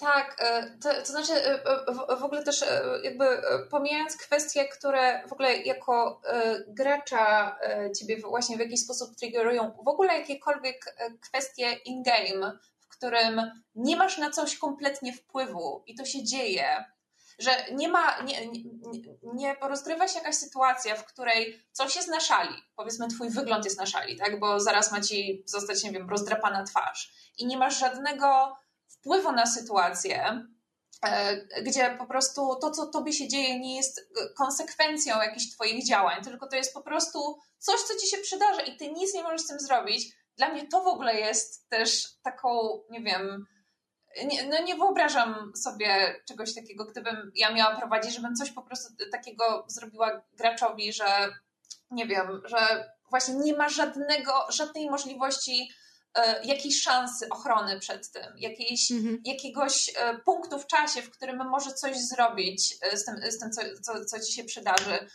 Um, no, e, więc tak, jeśli chodzi o te zwierzęta, to po prostu to była moja reakcja na samo wyobrażenie sobie, że nie, oh no, it's the, it's the movie where the dog dies. no, no, no, the dog doesn't die. W mojej kampanii. It doesn't die. Like, no. Wszystko jest tacy. Ania może potwierdzić. Lancelot żyje. Tak, potwierdzam. A jak nam e, jacyś NPC zaproponowali, że w sumie możemy pójść sobie wolno, tylko musimy zabić dla nich rzeczonego Lancelota, który jest triarkiem szkockim, no to drużyna poszła i wyrżnęła NPC-ów, no bo nikt nam nie będzie mordował członka drużyny. I dlatego gram z Anią.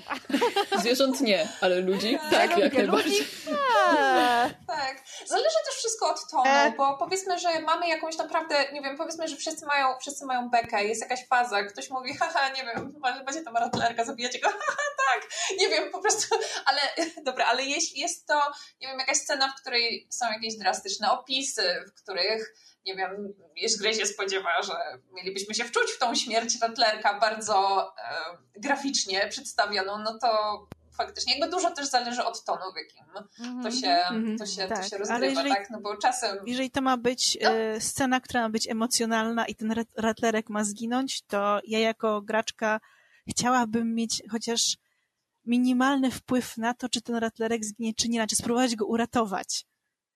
Tak, mhm. tak, dokładnie, mhm. dokładnie, bo jeśli miesz gry po prostu cię wciska w sytuację taką emocjonalną, że patrz na śmierć tego Rattlerka, nic nie możesz z tym zrobić, absolutnie nic. Jesteś jakby, nie wiem... Bezsilna. po prostu mhm. biernym, um, biernym obserwatorem tego i nie wiem, jak jeszcze dodatkowo miesz gry ci to specjalnie robi, żeby ci było smutno, to jest no. takie... E, no.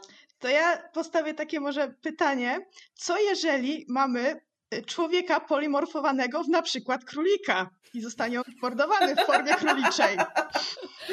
Wiesz co, ja bym powiedziała, że to, to, mocno zależy od tego, Sandra właśnie wspomniała, że czy jeśli dana sytuacja jest konsekwencją czegoś, bo jeśli ja, załóżmy, jestem osobą, która przyszła do y, jaskini wilkołaków i nie mam żadnej zbroi na, na, na sobie, i po prostu przyszłam wiedząc, że mogą mi coś złego zrobić, bo na przykład nasze jakieś tam e, jakiś sojusz e, jest właśnie na, na szali i możliwe, że oni mnie zabiją za propozycję, którą ja tutaj składam, że może nie wiem, coś tam im dam w zamian za to, żeby nadal chronili naszą wioskę, czy cokolwiek, nie wiem, zmyślam tutaj. I jeśli oni mi za to, mnie za to w jakiś sposób okaleczą, to to jest coś, co ja mogłam wyobrazić sobie albo jakby przewidzieć podejmując akcję, że do nich pójdę. I jakby, jeśli to jest naturalna konsekwencja, to jestem w stanie w trakcie, kiedy ta scena jest opisywana, mieć takie, okej, okay, spoko, rozumiem to, yy, rozumiem, jak to może wpłynąć na historię mojej postaci, bo trochę już zrobiłam myślenia na ten temat i trochę sobie wyobrażam poszczególne yy, po prostu rozwiązanie tego scenariusza, ale jeśli jeśli moja postać, nie wiem, moja postać jest w jakimś, nie wiem, klubie, i sobie pije ze znajomymi i grają w bilard i nagle z, nie wiem, z, z pokoju obok wbiega jakiś zombie i gryzie mnie w twarz i zamienia mnie w zombie i ja nie miałam niczego, co by jakby wskazywało na to, że to się za chwilę stanie, ani nawet w tej kampanii nie było powiedziane, że będą zombie. To, to już się wydaje, jakby ja bym pewnie spróbowała jakby, wiecie, e, próbowałabym się w to wczuć i mieć takie, okej, okay, spoko, dostosowuję się do sytuacji, ale jakby miałabym takie myślę, że potem bym po prostu zagadała do mistrza z takim, ej, słuchaj, w sumie dlaczego to zrobiłeś? I jakby, jakby wspomnij następnym razem, bo nawet, nawet w przypadku jakby śmierci kogoś, yy, fajnie, jeśli mistrz gry może nawet, no jakby nie zaspoilerować tą śmierć, tak, ale przed kampa- w sensie przed sesją zapytać, yy, że słuchaj, czy jakby wiesz, może stać się coś dramatycznego, drastycznego. Przeczytaj sobie jeszcze raz swoją kartę postaci, e, pomyśl o reakcjach e, emocjonalnych swojej postaci e, i jakby, wiecie, najgorsze uczucie jest wtedy, kiedy ktoś umiera i masz się dosłownie ostatnią scenę z tą postacią a ty nawet sobie nie wyobrażałeś, że ta postać może umrzeć i nie jesteś przygotowany na to, co ta postać powie. A to będą ostatnie słowa do tej postaci. Ja, to jest najgorsze uczucie. Ja muszę coś w tej kwestii powiedzieć, bo myśmy um, tutaj z nieobecną e, naszą koleżanką, znaczy moją i Karolinie współgraczką Magdą, miałyśmy taką sytuację w poprzedniej kampanii, gdzie zmarła postać jednego z graczy i Dobrze mówię?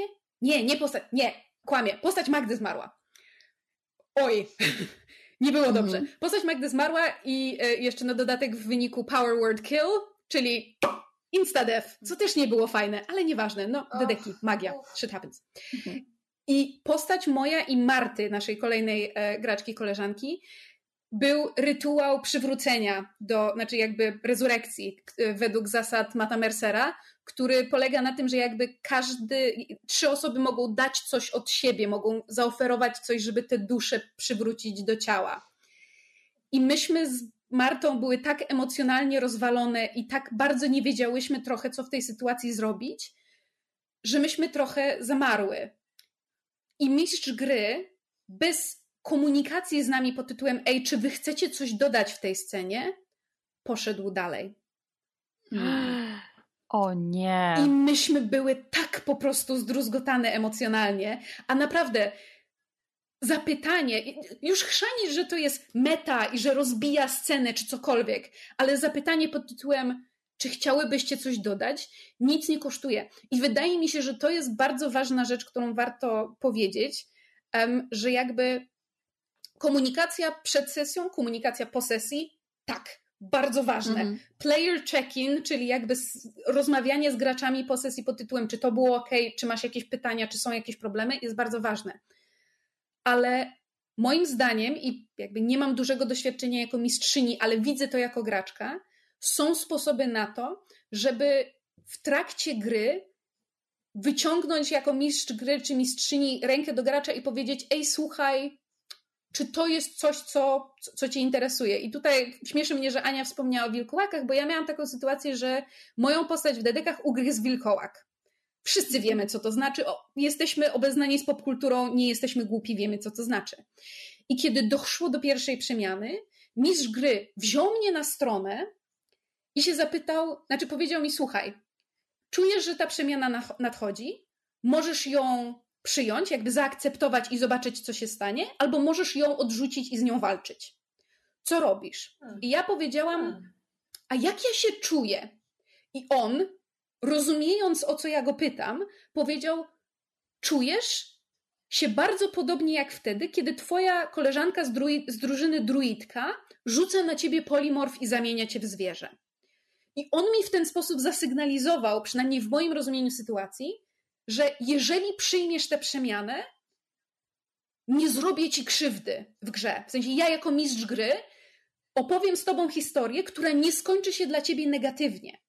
I dla mnie to mhm. był szalenie ważny sygnał i uważam, że tego typu właśnie komunikacja w grze, nawet czasami wychodząca poza, poza jakby właśnie poza te ramy in-game, jest bardzo ważna. I tu bym była ciekawa mhm. zdania e, Zuzy, bo, bo mam wrażenie, że, że z tego, co mówiłaś, jakby bardzo dużo prowadzisz i jestem ciekawa, jak to wygląda z punktu widzenia mistrzyni gry.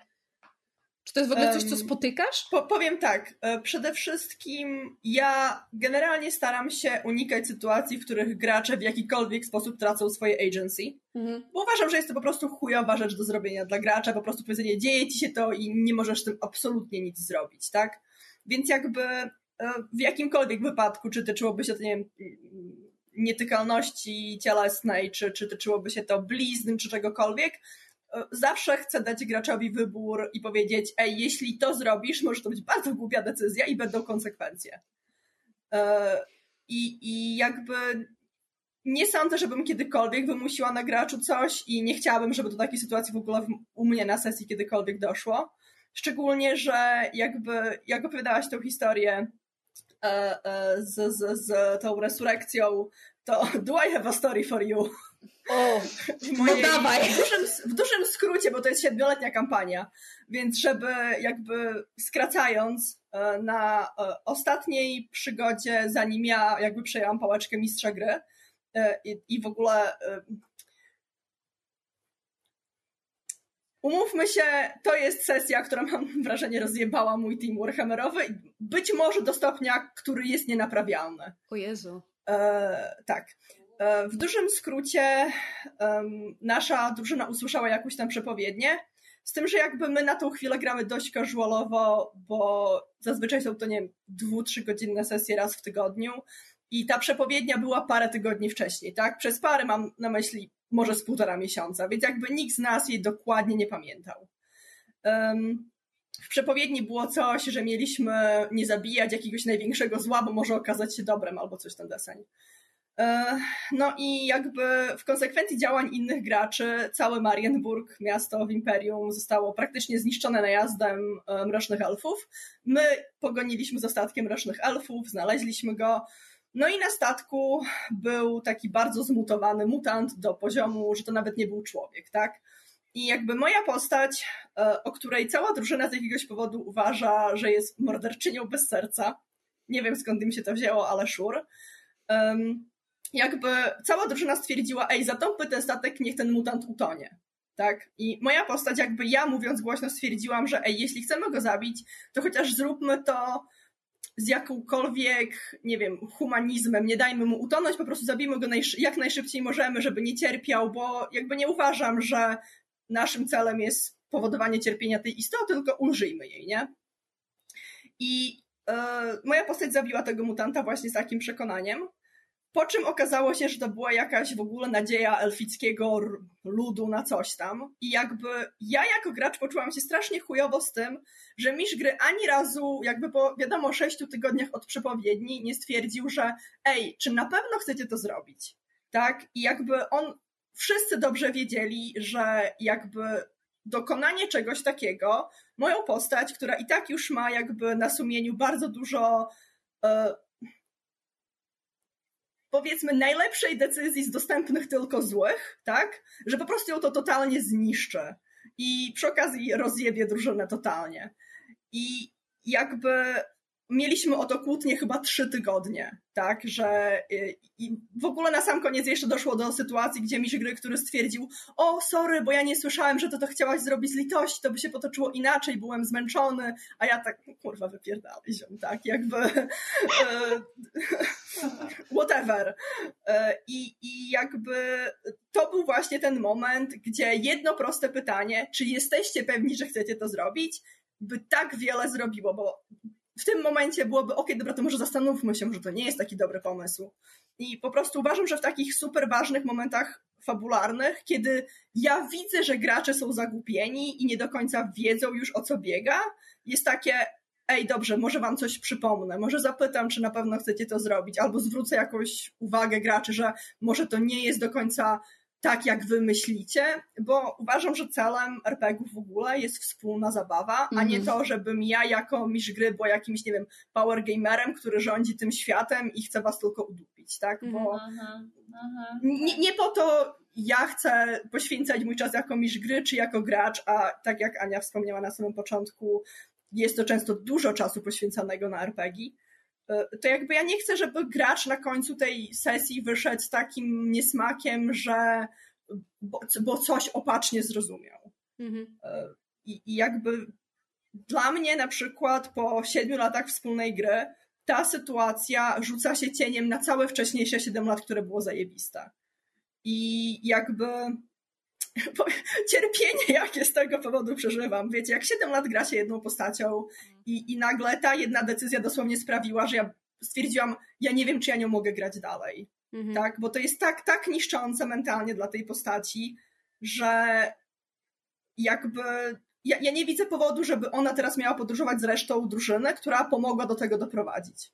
Hmm. I, I, jakby zakończyło się to w ogóle tym, że moja postać wpadła w trochę katatoniczny stan, jak się dowiedziała, co to było. I reszta drużyny zamiast chociaż, nie wiem, uratować ten sztylet, którym jakby w ogóle mutant był zmieniony za pomocą magicznego sztyletu mniejsza.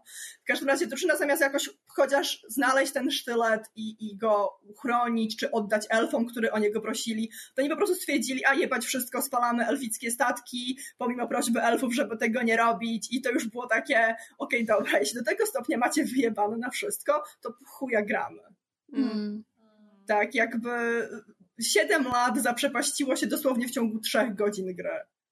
I, i wydaje I'm, mi się, I'm very że... salty, I know, I'm sorry. Słuchaj, nie masz za co przepraszać i wydaje mi się, że tutaj też istotnym elementem jest nie tylko jakby um, złamanie zaufania postaci, ale też w pewnym sensie złamanie zaufania twojej jako graczki właśnie na zasadzie, że mistrz gry zawiódł twoje, twoje zaufanie, które w nim pokładałeś, że, że jakby jesteście w tym wspólnie. To, to nie chodzi o to, żeby mistrz gry jakby zrobił twist, którego się nie spodziewałaś i haha, tak, tak, tak. jestem od ciebie mądrzejszy. Jakby ja, ja nie mam nic przeciwko konsekwencjom moich czynów, nawet jeśli one są złe i druzgoczące dla mojej postaci, ale ja chcę wie, wiedzieć przynajmniej mniej więcej, jakie mogą być konsekwencje moich działań. Tak, jakby w tej przygodzie jeszcze wcześniej te zniszczenie Marienburga też wyszło z akcji gracza, który też nie wiedział, co robi, bo został wykorzystany przez NPC-ów z zewnątrz, tak? I też nigdzie w, trakcie tego nie było sygnału, że ej,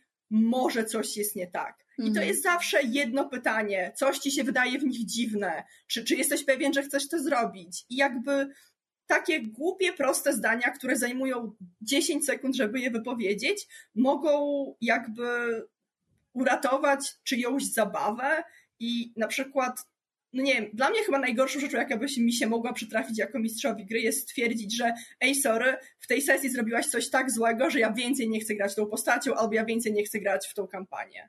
tak? Jakby jeśli, jeśli spowodowałabym takie uczucie u gracza, to ja bym się serio zastanowiła nad tym, ej, jak to poprawić, a nie rzucić hasło, no bo nie wiem, zrobiliście to, to, to są konsekwencje, tak? No.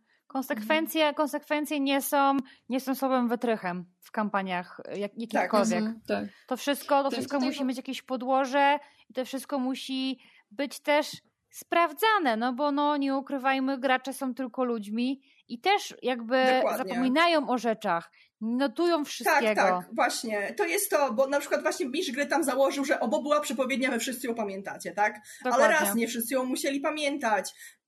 Mógł nam nawet przypomnieć, ej, pamiętacie o, te, o tej przepowiedni? Albo na przykład dla mnie hasło największe zło to niekoniecznie kojarzy się z mutantem, szczególnie w świecie Warhammera, gdzie objectively istnieje większe zło, czy tam najczystsze czy, czystsze zło niż mutant. Jakby mhm. połączenie faktów było dla mnie tak niemożliwe, że nawet jak już się skapnęliśmy o co chodzi, że popełniliśmy błąd, to było takie ej, ja nadal nie widzę, że to miało to sens. Mhm. mhm. Karolina? Ja, bo ta... E, to znaczy jeszcze może Sandra dodaj, co chciałaś, bo ja chciałabym troszeczkę odejść od tematu. Okej. Okay. E, chciałam tylko, nie, bo po prostu tak burzy mi się krew, jak, jak słucham to, to, o czym mówisz, bo e, po, dla mnie bez e, bardzo porządnego foreshadowingu i jakaś e, bardzo vague przepowiednia, jeśli e, nie była taka naprawdę naprawdę taka mięsista i konkretna i często powtarzana i szczególnie przypo, przy, przypomniana przed właśnie tą sytuacją, e, traci swoje jakiekolwiek um, um, znaczenie jako plot twist po prostu. U, u nas Bez... ta przepowiednia pojawiła się raz sześć czy siedem sesji wcześniej, więc no jakby... No to, Plus... no to nie, to absolutnie jakby po prostu jakby to wydarzenie jako plot twist nie ma nie, nie ma żadnej podstawy i nie działa, tak, bo jeśli ktoś faktycznie coś, jakby przestaje to być twoją konsekwencją, jeśli to nie jest porządnie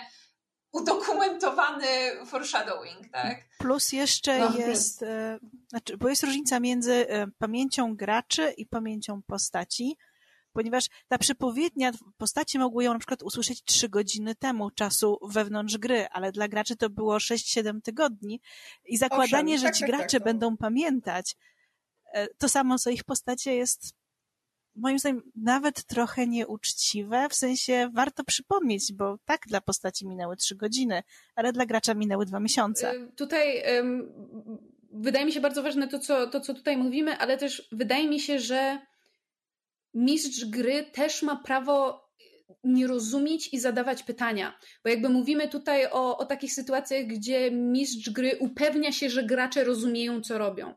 Ale bywają sytuacje, gdzie mistrz gry myśli, że gracze robią jedno, kiedy gracze robią drugie. Albo właśnie to, co powiedziałaś Zuza a propos tego, że o, gdybym usłyszał, że chodziło o takie intencje, to to by się rozegrało mhm. inaczej. Ja miałam sytuację, gdzie rozmawiałam z NPC-em, który był w grupie kultystów i nie wiedział o tym, że osoba, która przewodzi tym kultystom, wymordowała połowę miasta, z którego pochodzi, jakby szukając ważnego artefaktu.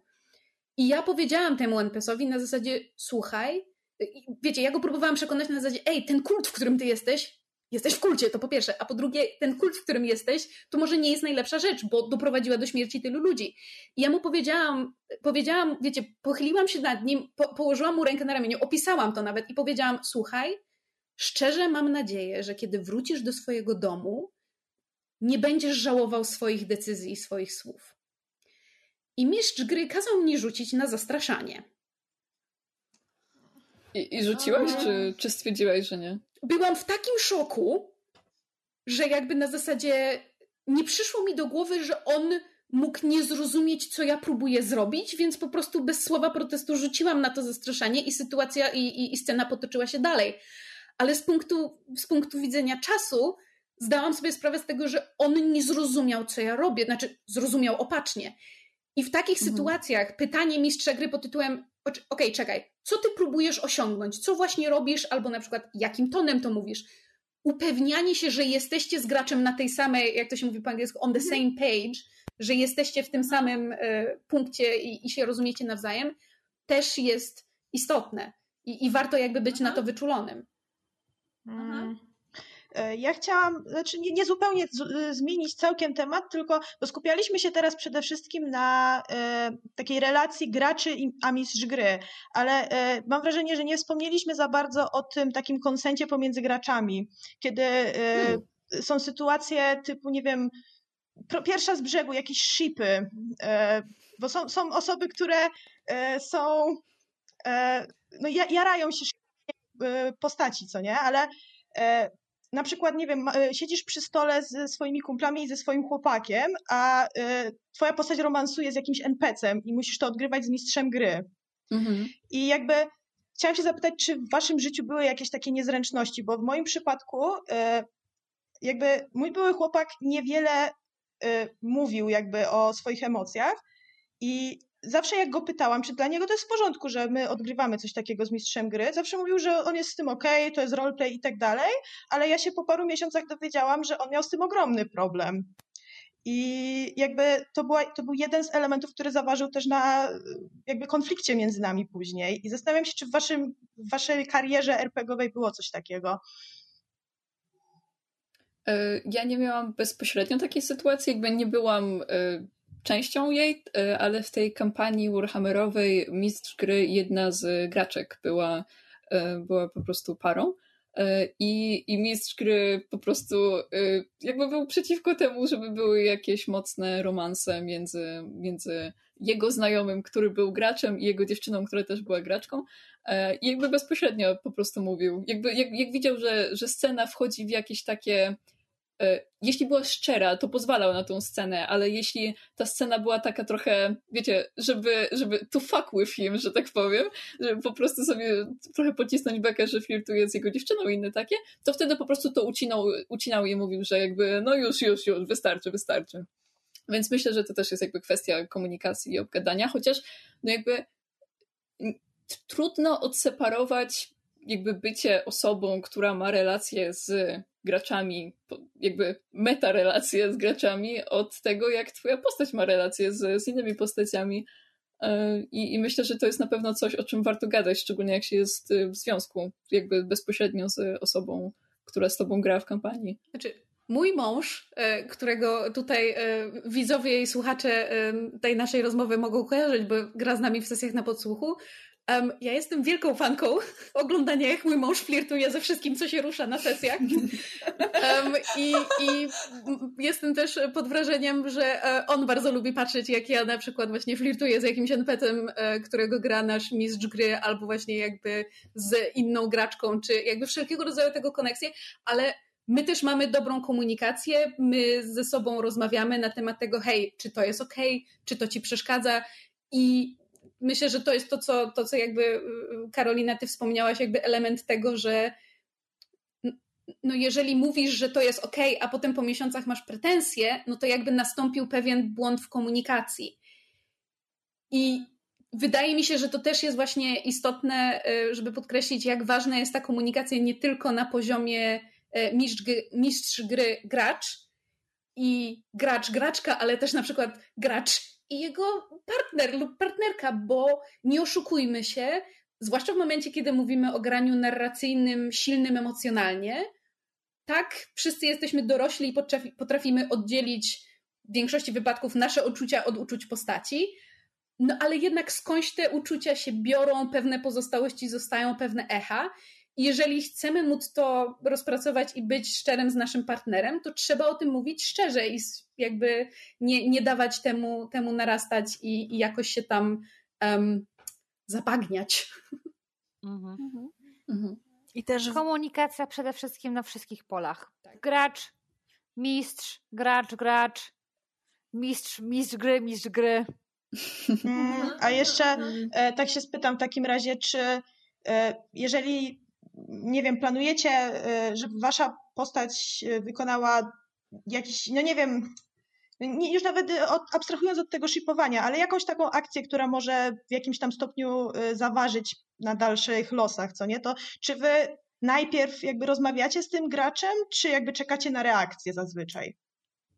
To zależy od sytuacji chyba. Jeśli, jeśli jest ten jakiś foreshadowing, jeśli y, widzę po jakby zachowaniu gracza i jego zaangażowaniu w grze, że jakby chciałby e, jakby spróbować czegoś po prostu z jego postacią, albo że jest gotowy na ewentualną e, ewentualną modyfikację relacji, powiedzmy to tak, bo to w obie, jakby we wszystkie strony to może iść. To może iść w miłość, nienawiść, w jakąś rywalizację, szacunek, jakieś relacje rodzinne, inne takie.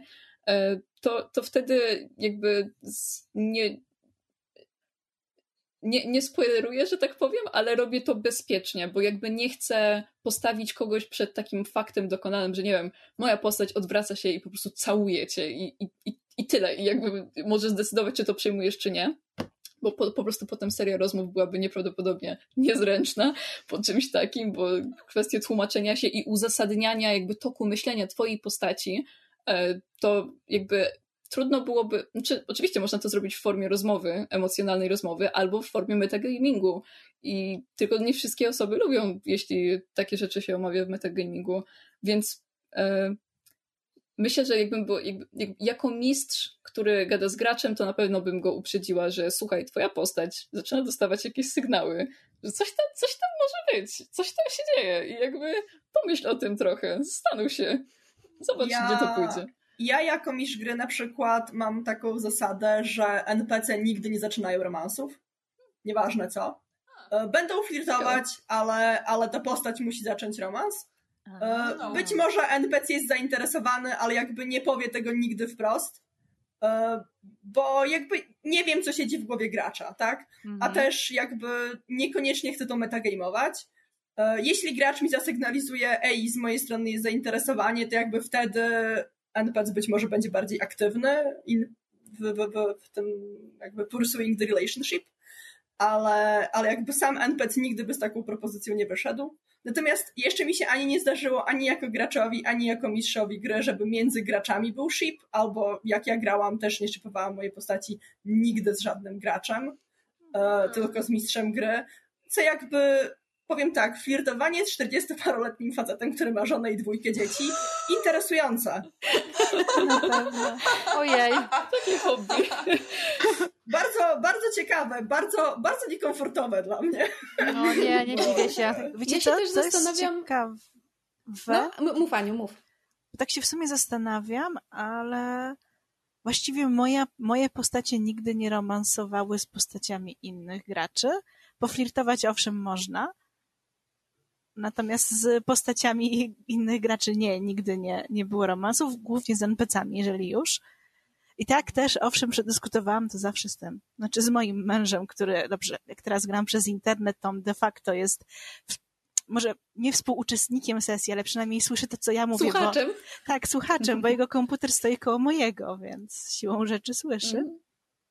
Wydaje mi się, znaczy nie jestem pewna, ale być może tutaj pokutuje taki stereotyp, który być może, y, o którym być może słyszałyśmy albo miałyśmy styczność z nimi na sesjach.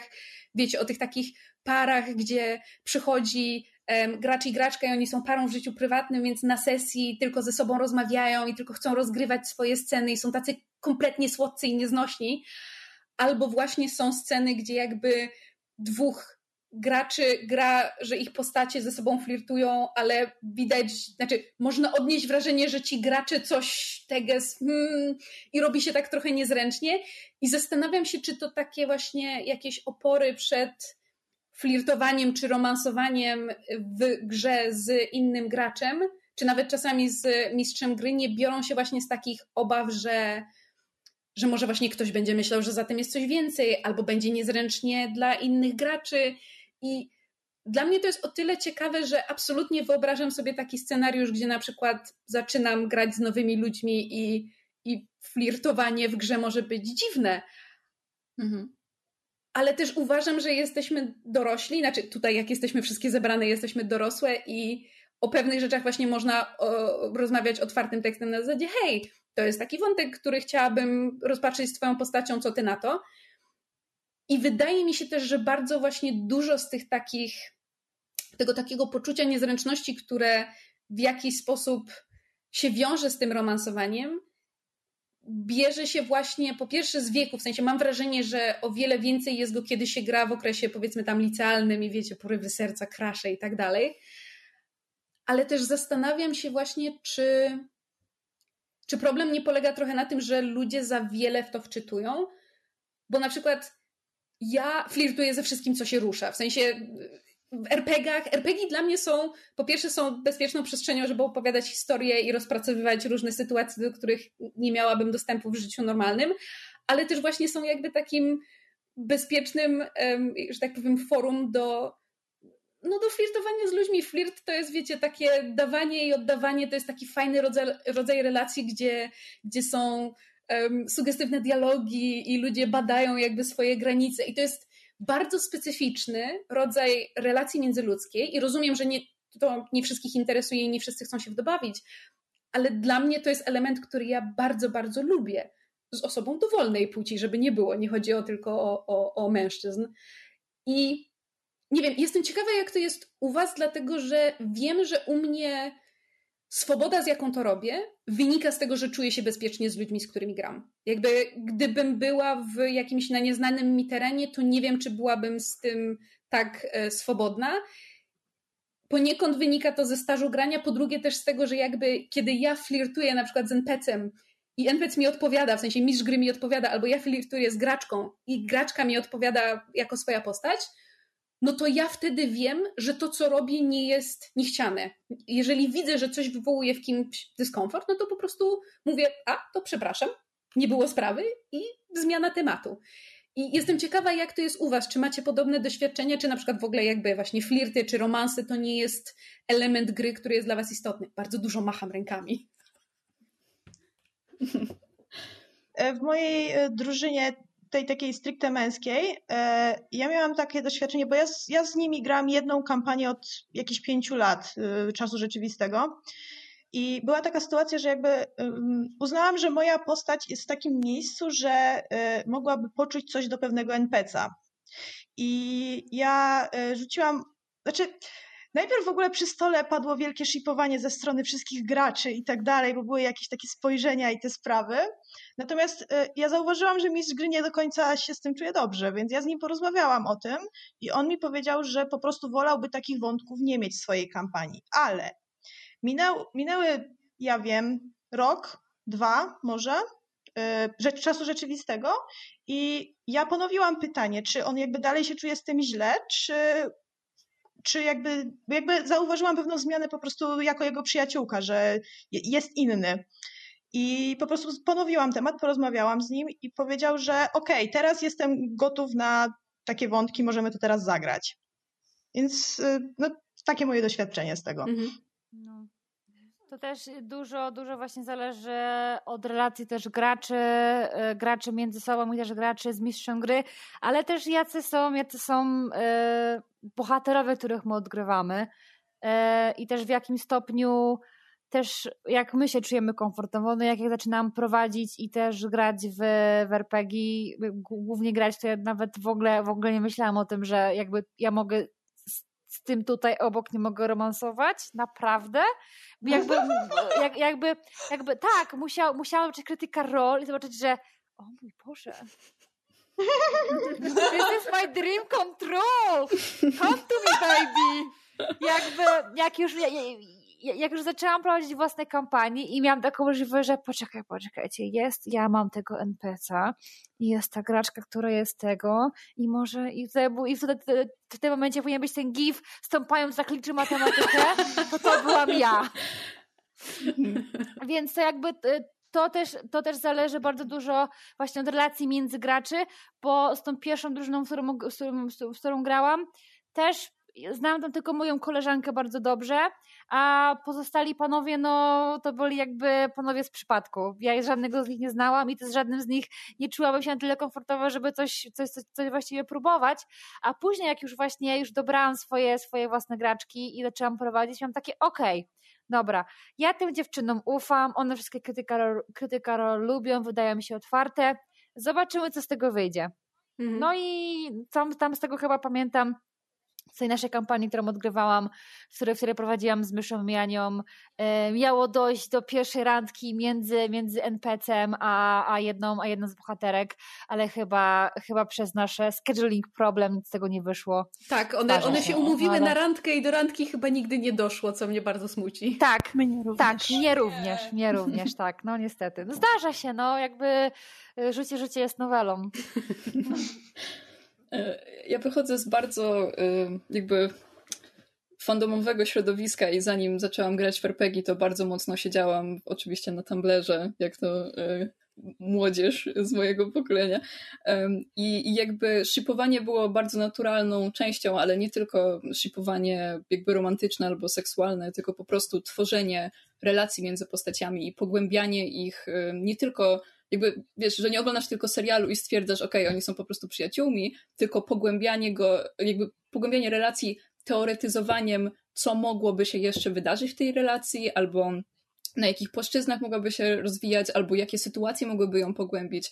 E, no i oczywiście fanfiction gra tutaj ogromną rolę, bo e, jakby, okej, okay, te postaci mogą być Ostatnio Supernatural dużo się działo, więc mm. załóżmy, te postaci mogą być po prostu jeden typek jakby hantuje e, demony, a drugi typek jest aniołem i spoko. Ale co gdyby oni byli we współczesnych czasach i nie wiem, byliby w um, zespole muzycznym, na jakich instrumentach by grali, jak ich rodzina by na to reagowała, jak, jakie, jak, jak zmieniłoby się ich jakby nastawienie do życia i do innych osób i jakby na co mieliby e, jakby przestrzeń w, swoich, w swoich życiach. I, i przez to e, jak, jak gram w RPG, to chcąc, nie chcąc po prostu myślę nad tym, jak postaci mogłyby się rozwinąć i w jakie relacje mogłyby wejść, Um, oczywiście, no jakby jak, jak Mysza mówiła o flirtowaniu i w ogóle, to po prostu zaczęłam się trochę śmiać wewnętrznie, bo e, jakby dating simulatory to jest taka rzecz, która e, to, to nie jest coś, co mnie ciągnie, ale rozumiem taki mm, rozumiem, dlaczego ludzie się tym jarają, bo po prostu RPG i właśnie takie dating simulator to jest przestrzeń na eksplorację relacji, której nie, nie, miał być w, nie w realnym życiu, ale może też nawet nie chciałabyś mieć, bo ja na przykład przyłapuję się na tym, że, że w RPGach jak widzę jakiegoś, jakiegoś bad boya albo bad girl z jakimś papierosem i motocyklem, to mam takie, o Boże, jakie fajne, moja postać musi do nich zagadać, koniecznie. No. Ale na żywo miałabym takie, ten człowiek jest niebezpieczny, chcę wrócić do domu. Więc jakby w, w, RPG-ach, w RPGach jest fajne, fajne to, że po prostu e, jakby nie grasz sobą, tak? I grasz postacią z innymi potrzebami, z innymi poglądami, więc w sensie poglądami, z innymi priorytetami, ale poglądami w sumie też czasami. Więc e, o wiele ciekawiej, e, w sensie nie wiem, czy mogłabym pominąć aspekt tworzenia jakichś relacji między postaciami w RPGach, nawet romantycznych, inne takie, bo po prostu skoro tworzę postać, to ta postać daje mi też taki jakby kluczyk do eksploracji rzeczy, które bym normalnie w życiu nie chciałabym tego robić, y, albo w sensie y, nie chciałabym tego robić, ale nie w taki sposób, że to byłoby dla mnie traumatyczne czy coś w tym stylu, tylko po prostu w realnym życiu mnie to nie jara, ale jeśli to jest moja postać i moja postać chce przyjechać się na motocyklu jadąc, nie wiem, 300 km na godzinę czy cokolwiek, to jasne, spoko, niech to robi. Kocha adrenalinę, adrenalinę ale ja w życiu bym tego nie zrobiła. Mm. No ale RPG są po prostu do eksploracji i, i cenię to sobie w nich bardzo. Mhm. A ja jestem ciekawa, e, Sandra i Zuza, tutaj pytanie do Was, bo jakby gracie razem w stricte e, babskiej drużynie, razem z Anią. I moje pytanie jest takie, czy, czy zauważyłyście, że jest więcej flirtów? Czy na przykład, czy, czy w wypadku Waszej akurat konkretnie drużyny to nie jest coś co nie, to nie jest coś, co jest bardzo ważne. Nie, słuchajcie, ja, to, ja tak. zadaję to pytanie z bardzo konkretnego powodu. Po, powiem tak, e, mamy, mamy graczkę Mikado, która gra bardem i Aha. he's a flirt machine. It's a flirt machine. E, e, po, powiem tak, można Fergusa określić jako chaotic horny. That's me, that's me. I powiem tak,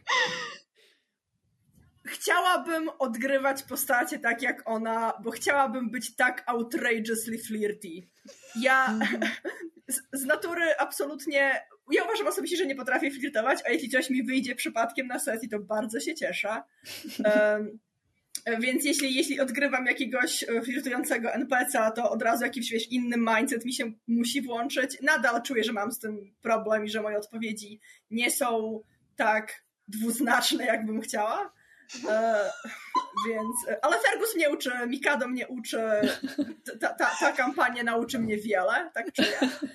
E, Widzisz, że akurat, Natomiast akurat jakby z, z, z, z, mojej perspektywy takiego powiedzmy długoletniego grania i prowadzenia, to mam wrażenie, że ja grałam z tak ciasną grupą znajomych, że u nas nawet nikt nie myślał o tym, żeby z sobą flirtować. Mhm. I dopiero jak zaczęłam grać w tą siedmioletnią kampanię Warhammera, co w ogóle z praktycznie obcymi ludźmi, jedynym, jedyną osobą, którą znałam był kolega, który dosłownie zadzwonił i powiedział ej, widziałem ogłoszenie, że jacyś kolesie szukają graczy do Warhammera, czy chcesz? E, I tak zaczęła się, ośmi, już ośmioletnia kampania.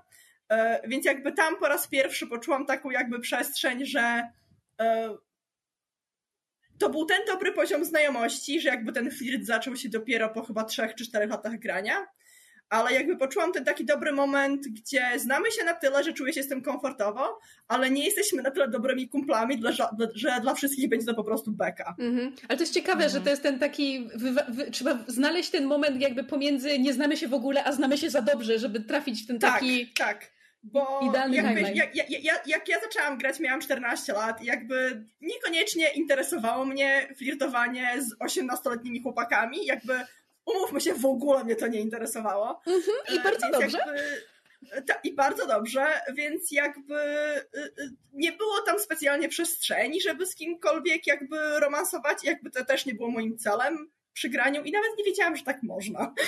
Więc jakby przez, przez, przez długie lata u nas romanse zdarzały się rzadko i tylko z NPC-ami i jakby też my graliśmy w serię bardzo krótkich przygód, rzadko nam się zdarzało grać powyżej roku.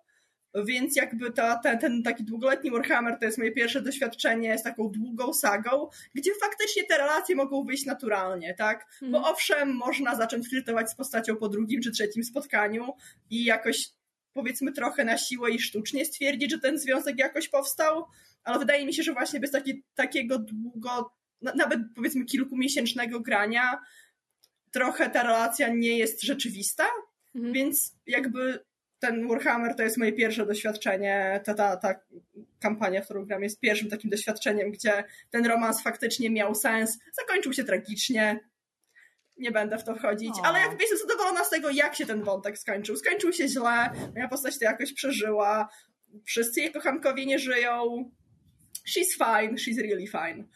Uh, she's, she's, she's fine. It's okay. Sandra, a jak to było u ciebie? Um, hmm.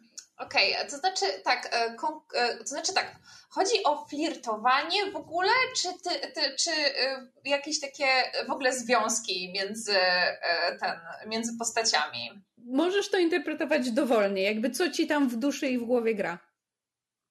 Okej, okay, nie, bo tak po prostu staram się tak sobie wyliczyć jakieś, jakieś związki, które się wytworzyły na przestrzeni e, lat pomiędzy e, postaciami graczy albo postaciami graczy i NPC-ami i um, kurczę, bardzo to takie, bardzo losowo to wychodziło, w sensie e, czasem coś wychodziło, nie powiedziałabym, że często, tylko tak dosłownie taki, nie wiem, jeden, dwa związek na kampanię i takie bardzo to jest, jakby nie było jakiejś um, nie wiem, nie było jakiejś um, jakiejś prawidłowości, że nie wiem, była jakaś osoba, która ciągle flirtuje i ciągle z kimś była, albo y, była osoba, która nigdy nikogoś nie miała, tylko y, tak właśnie, nie wiem, no była na przykład taka, okej, okay, um, po, po tej postaci, która mi umarła, był jego brat, który, e, który ożenił się z NPC-em granym przez mistrza gry, który, bo tak wcześniej wspomniałaś o e, tych związkach pomiędzy e, graczami a mistrzem gry. Mistrz gry jest moim chłopakiem od, e, od 10 lat. I odkąd tylko zaczęliśmy grać, po prostu zawsze ze sobą byliśmy i były na ten temat właśnie trochę takie Um, na początku były takie trochę takie wąty, takie o, czy Sandra powinna z nami grać? No nie wiem, bo jak, jak, jak dziewczyna mistrza gry z nami zacznie grać, to może, no może to rozwalić całą paczkę. Nie? Więc przewracałam oczami tak okej, okay, okej, okay, wpuśćcie wilka do e, tej trzody owieczek i zobaczymy, co, co, co się wydarzy. Ale nic się nie wydarzyło, no bo co się miało wydarzyć. Um, więc na, na, całe, na całe szczęście jakoś się dobrze z, z, zespoiliśmy. E, no i e, no właśnie, i tutaj była właśnie taka relacja, że, e, że z mistrzem gry po prostu moja postać tam się, się, się ożeniła, później ona umarła i płakałam całą noc. A nocowaliśmy razem. Cała, cała, cała nasza drużyna nocowała razem i nikt nie mógł spać, dlatego, bo ja wyłam w nocy, dlatego, bo moja żona nie żyje. no, natomiast um, Kolejna, kolejna moja postać e, ten, miała, miała romans właśnie z, z jedną z graczek, I ja wtedy grałam postacią, postacią męską, ona grała postacią żeńską. E, no i to był taki, e, no, tak smutno się skończyło też. ale, ale to długo opowiadać, bo to była naprawdę bardzo długa kampania, bo że z 5 lat trwała ta saga i uff, tyle, tyle rzeczy się wydarzyło. No, kolejna, kolejna sytuacja para, e, para e, graczy, jakby para, e, para, która jest ze sobą w prawdziwym życiu, po prostu zagrali jako małżeństwo in-game. To też była taka sytuacja. była taka Boże, była taka sytuacja, w której gracz na, nasz miał NPC, która była jego szaloną psychofanką i to było takie bardzo, bardzo jednostronny flirt, bo po prostu ona była taka będziesz mój i zabije wszystkich, którzy e, ten, którzy będą chcieli mi cię odebrać. Też był taki wątek. E, czy gracz stworzył tą NPC-kę? Tak. O, ciekawy. Chyba, tak, tak, to znaczy stworzyli ją razem z mistrzem gry, że po prostu jakby e, się, się razem dogadali, że dobra, będzie taka postać, która właśnie jest e, no e, crazy, crazy ex-girlfriend. um, ale to było bardzo, to było bardzo fajne, bo zawsze czuliśmy się przez nią obserwowani i no naprawdę mistrz gry nieźle ją odgrywał. Była, o, ależ ona była wkurzająca. Um, no e, i no i tak, więc po prostu bardzo dużo, bardzo dużo e, różnych relacji. No może przesadzam, że bardzo dużo, ale po prostu jakby w każdej sadze coś tam jakby coś tam bywało. No, tak. To e, a propos tego, tej szalonej ex, która się tutaj pojawiła, to moje pytanie do Was jest takie, bo tutaj też przewijały się po drodze takie wątki powiedzmy odgrywania postaci innej płci niż e, postać, znaczy niż płeć e, graczki, czy gracza, czy mistrza, czy mistrzyni. I zastanawiam się, jakie są Wasze doświadczenia w tej kwestii na zasadzie właśnie na przykład nie popadania niechcący w, pe w pewne stereotypy odgrywania, czy na przykład właśnie, czy zauważyłyście u siebie jakieś na przykład preferencje co do płci postaci, którą chcecie odgrywać, albo czy na przykład um, miałyście takiego mistrza albo mistrzynię, którzy, y, umówmy się, odgrywali postacie płci przeciwnej, jadąc tylko i wyłącznie po e, stereotypach, e, bo może po prostu inaczej nie, y, nie umieli. Jestem ciekawa, jak to u Was było, bo na przykład ja im więcej gram, wiadomo, że pierwsze moje postacie były bardzo. To byłam ja, tylko że nie. Marysu tak zwana. Um, Im dłużej gram, tym bardziej jakby uczę się odgrywania, uczę się odchodzenia od tego, co znam i co jest mi bliskie, bo jest to dla mnie ciekawsze, jest to właśnie ćwiczenie z empatii, wczucie się w kogoś innego. I w to wchodzi także odgrywanie innej płci niż moja, niekoniecznie męskiej i też odgrywanie e, innych e, właśnie też relacji, czyli jakby relacji, które ze względu na moją płeć i moją orientację nie mogłabym rozgrywać w takich okolicznościach, bo ja na przykład jestem osobą biseksualną, więc um, i tak mam szerokie pole do popisu, natomiast to nie znaczy, że wszystkie relacje, jakie są dostępne, są um, dla mnie dostępne. I teraz im dłużej gram, tym bardziej właśnie widzę, że te, to ćwiczenie z empatii i to próba odnalezienia się w doświadczeniach, które nie są do końca mi znane czy zbieżne z moimi, sprawia mi więcej frajdy. Nie wiem, czy robię to dobrze. nie wiem, czy dobrze potrafię odgrywać postacie e, męskie, czy na przykład niebinarne, um, ale jest to coś, do czego staram się przykładać dużo jakby uwagi i przemyśleń i wczuwać się w to um, jakby nawet mam wrażenie bardziej niż, niż e, w postać, która jest z defaultu kobietą, bo, bo, bo to jest coś, co wiem i znam, a postać inna ode mnie mam wrażenie nawet nie tyle wymaga, zasługuje na to, żebym jej poświęciła więcej uwagi, żebym odegrała jej doświadczenie i jej przeżycia i jej uczucia w sposób, który jest jakby prawdziwy dla niej. I jestem ciekawa, jak, jak wy się na to zapatrujecie. Wiem, że to jest dość obszerne to moje pytanie. Mhm. Mam, e, wydaje mi się, że mam całkiem fajną historię na ten temat. E, taką e, raczej, raczej właśnie, raczej taką pozytywną. Nie, jakby ma, ma, miałam szczęście takie, że niespecjalnie byłam, byłam zamykana przez moją własną drużynę w, jakichś, w jakichś stereotypach, natomiast w ogóle przez większą część mojego grania, przez lwią część mojego grania zawsze grałam facetami. Po prostu tak wyszło. Jak z, ja, to, to moja pierwsza postać to był 40-letni mężczyzna, ten co zginął. Później to był, później to był jego, później to był jego młodszy brat. Później znowu to był, to był to, ten kolejny gościu i dopiero e, jakieś e, dwa lata temu miałam ostatnią, um, ostatnią naszą sagę w Legendzie Pięciu Kręgów, tym razem, tym razem zagrałam kobietą, ale do tego stopnia jakby moja drużyna była przyzwyczajona do tego, że grałam facetami, że jak grałam w końcu postacią kobiecą, to byli tacy Sandra? Fa że kobietą grasz? Jak ja się do tego przyzwyczaję? To jest, to jest, Boże, jakie to jest dziwne! Sandra bez będziesz grać bez peruki? W sensie, bo my też w ogóle gramy, my gramy w cosplayach też, więc staramy się wyglądać też jak, jak nasze postacie. Zakładamy peruki i podczas naszej e, przedostatniej kampanii, a mojej ulubionej, e, w Legendy Pięciu Kręgów mieliśmy zakład z moim kolegą. E, I um, i jakby tym razem miałam do odegrania e, takiego po prostu jeszcze starszego mężczyznę niż poprzednio i mieliśmy taki zakład, że jeśli on tak bardzo, e, nie wiem, że jeśli on, on to kupi w jakimś sensie, że będzie po prostu naprawdę, naprawdę tak bardzo mu się zdawało, że, że gada z drugim facetem, to on w następnej kampanii zagra kobietą. I bardzo mnie to tak, byłam taka, muszę to zrobić.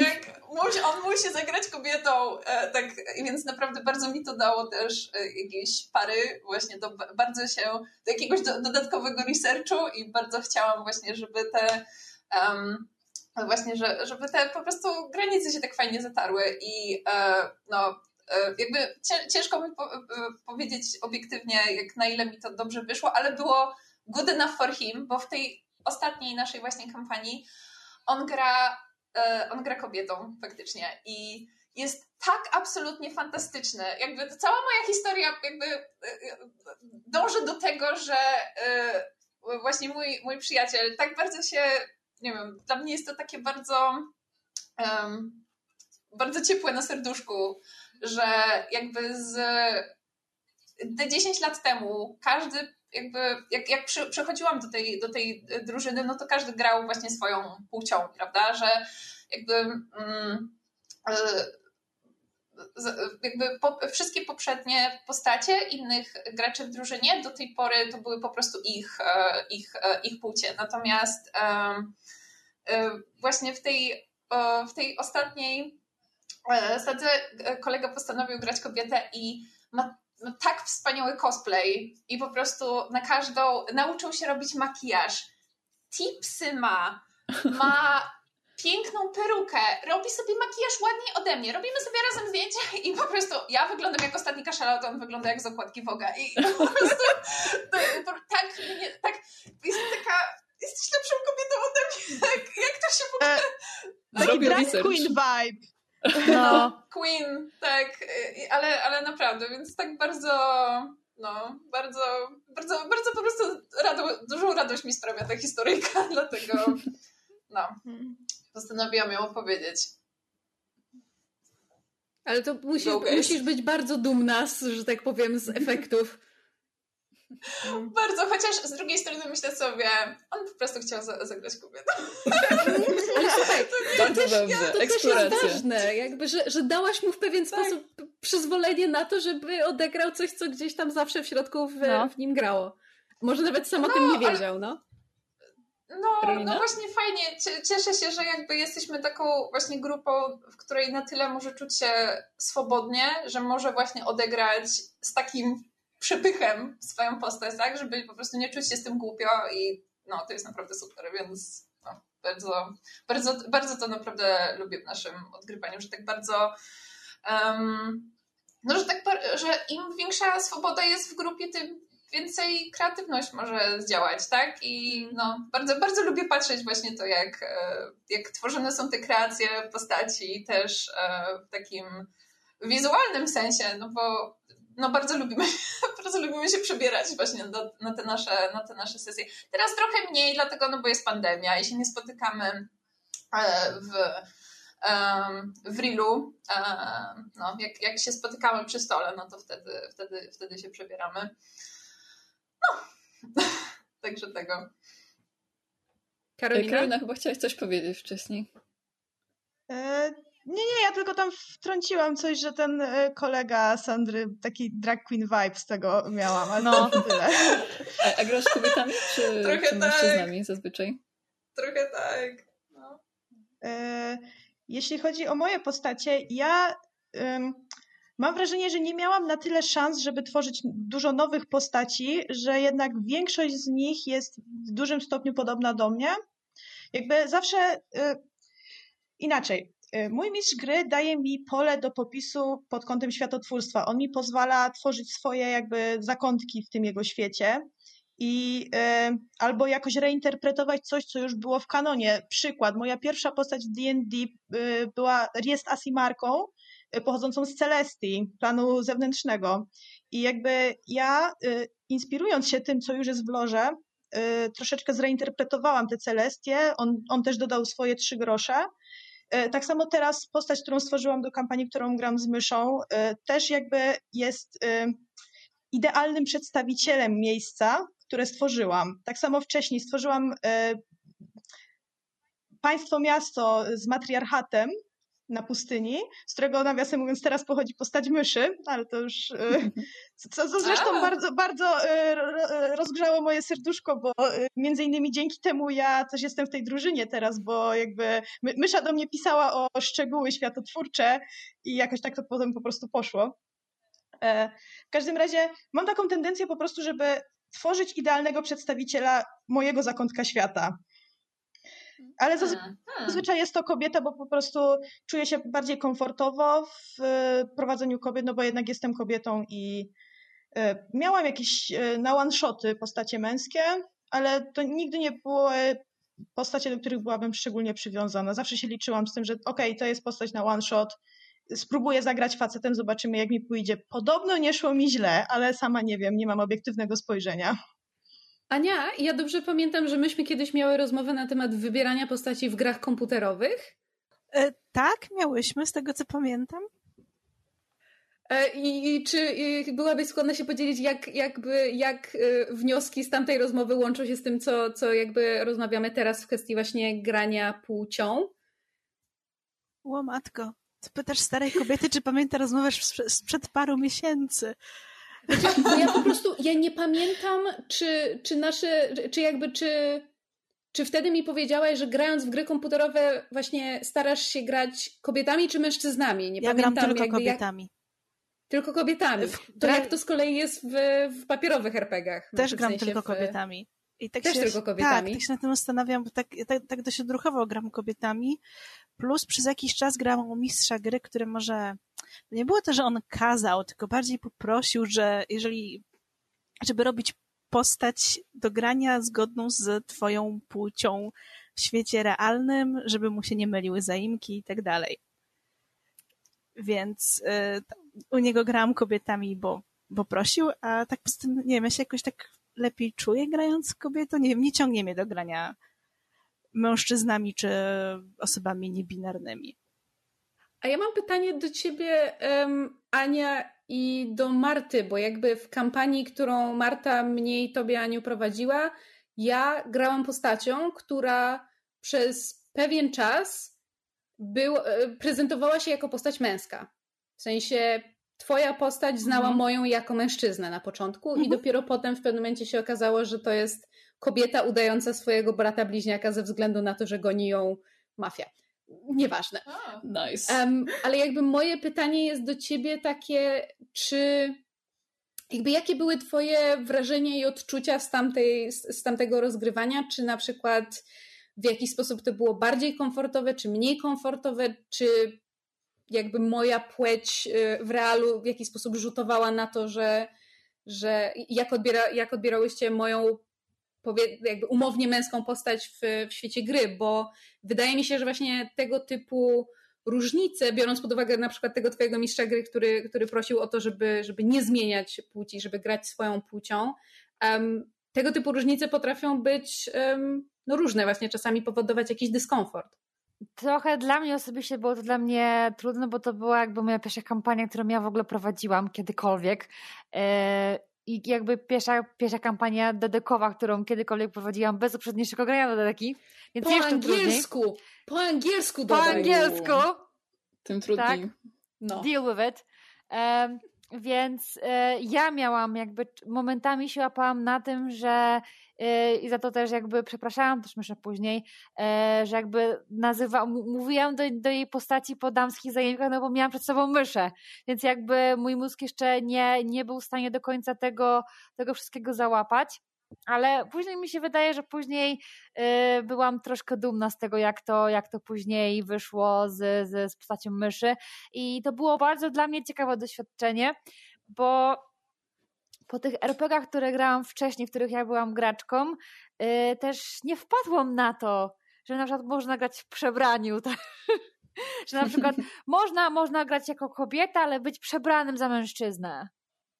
Mm. I to by jakby, jakby dalej, dalej, dalej jakby, mimo że już e, prowadzę RPG już kilka ładnych lat, dalej jakby pomysły graczy mnie zaskakują i to w takim dobrym, dobrym mm. sensie. Ja szczerze mówiąc mm. miałam, dobrze, to nie był to nie był dyskomfort, to było bardziej takie, że ja się musiałam skupiać mentalnie, żeby pamiętać, że zaraz chwileczkę, pan Fer nie jest facetem, pan Fer jest kobietą, więc powinnam do niego używać zaimku, do niej używać zaimków żeńskich, bo to dziewczyna jest. Ale tak, żeby to, wiesz, powodowało jakiś, nie wiem, dyskomfort albo sprawiało, że mi się źle gra? Nie, po prostu było takie, musiałam się przyzwyczaić, o. Dokładnie. Mhm. Znaczy tak, że rzeczywiście jakby po, po tym jak, jak dziewczyny, graczki się przyzwyczaiły do tego, żeby kiedy zwracają się do mojej postaci mówić do niej męskimi zaimkami, ponieważ widziały mężczyznę, to moment, kiedy potem w grze odkryły, że moja postać jest kobietą -hmm. i mhm. tylko y, prze, przebrała się za mężczyznę, to powrót do żeńskich zaimków nagle był problemem. Tak, bo, bo tak, jeszcze, tak, nie weszło, Jeszcze gorsze było, bo tam była taka jedna scena, w której myśmy już wiedziały, że ty jesteś kobietą, znaczy, że Panfer jest dziewczynką, ale przez chwilę Panfer udawała znowu swojego brata bliźniaka i myśmy też się miały traktać jako brata bliźniaka, więc znowu tak, trzeba było tak. do męskich zaimków i też było tak uff, dobrze, po e. kolei, powoli. Karolina? E, chciałam powiedzieć, że e, tak już z perspektywy obserwatora, bo grałam, e, graliśmy mniejszą nieco kampanię właśnie z moją stałą drużyną, gdzie mamy w drużynie takiego chłopaka, który jest e, takim uosobieniem stereotypowej męskości. Jest e, trochę przypakowany, jest brodaty Czad. i tak dalej. Jest taki czasem trochę toxic masculine, ale very masculine i zrobił sobie postać żeńskiej arakokry druidki, takiej medyczki, takiej do rany przyłóż to, to było po prostu dla mnie taki dysonans, bo gość wcześniej, znaczy dalej gra półorkiem barbarzyńcą, najbardziej stereotypowym półorkiem barbarzyńcą, jakiego sobie możecie wyobrazić. I nagle przeskok na tę taką ciepłą druidkę, która nas karmi y, good berries. ale fantastycznie. Ale no. pora, pora, radził sobie cudownie. Jedyne, jedyne co, no to czasem sobie mylił zaimki, bo mówił, jak mówił o tej postaci, no to używał męskich. Natomiast poza tym miód. Mm. Mhm. Och, ale cudownie. Aż mi się ciepło robi, jak, no. jak o tym opowiadasz, tak no. Chciałabym, chciałabym ją poznać. Tak, i to jest, to jest właśnie super w RPGach, to mi się właśnie bardzo w RPGach podoba, że w RPGach moim zdaniem najbardziej możesz poczuć, jak to jest być kimś innym, jak mhm. to jest żyć w skórze osoby, która z tobą tak naprawdę nie ma nic wspólnego. Hmm. Możesz, możesz tak jakby połowicznie zrobić troszkę w, kompu- grach komputerowych. W książkach jakby masz, jakby masz ten świat narzucony, ale właśnie te papierowe, te papierowe RPG sprawiają, że dosłownie możesz być kimkolwiek i czymkolwiek chcesz. Hmm. Ja mam zupełnie przeciwny odruch do tego, co ma Ania, bo Ania powiedziała, że ma odruch grania, jakby wybierania kobiety y, na postać.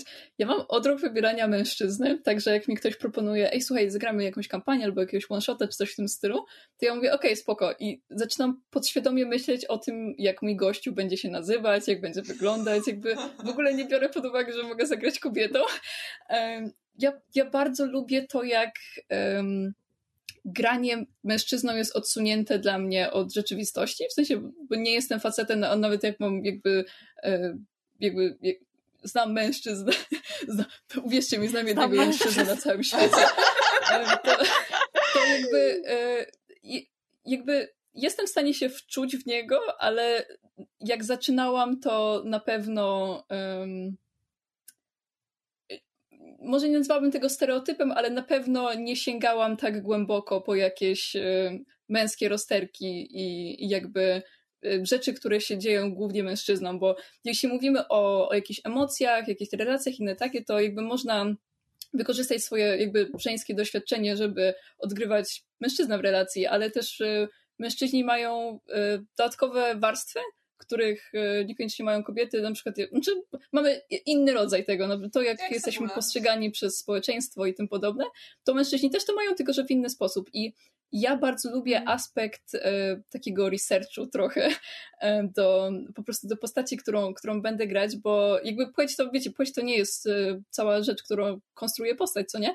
Ale, ale na pewno te doświadczenia są trochę inne. E, zazwyczaj pewność siebie działa trochę w innych wymiarach, bym powiedziała. I ale jakby wracając jeszcze do tych moich pierwszych męskich postaci, one nie były zbyt dobre, ale myślę, że mi dużo nauczyły e, jakby jak się wczuć w postać i robić to bardziej respectful. E, I teraz bardziej się skupiam na tym, żeby dodać tą, w sensie teraz, no to już od, od paru lat, ale żeby dodać tą taką głębię, której, której potrzebuję, żeby ten gościu naprawdę był gościem, a nie żeby był tylko postacią, którą wymyśliłam i jest przy okazji gościem. E, I, I jak mówię o tym researchu, to też jakby bardzo dla mnie istotny jest na przykład zawód mojej postaci, bo no bo jednak wiecie, żyjemy w kapitalizmie i w ogóle i zawód i praca definiuje, definiuje bardzo du dużą część życia.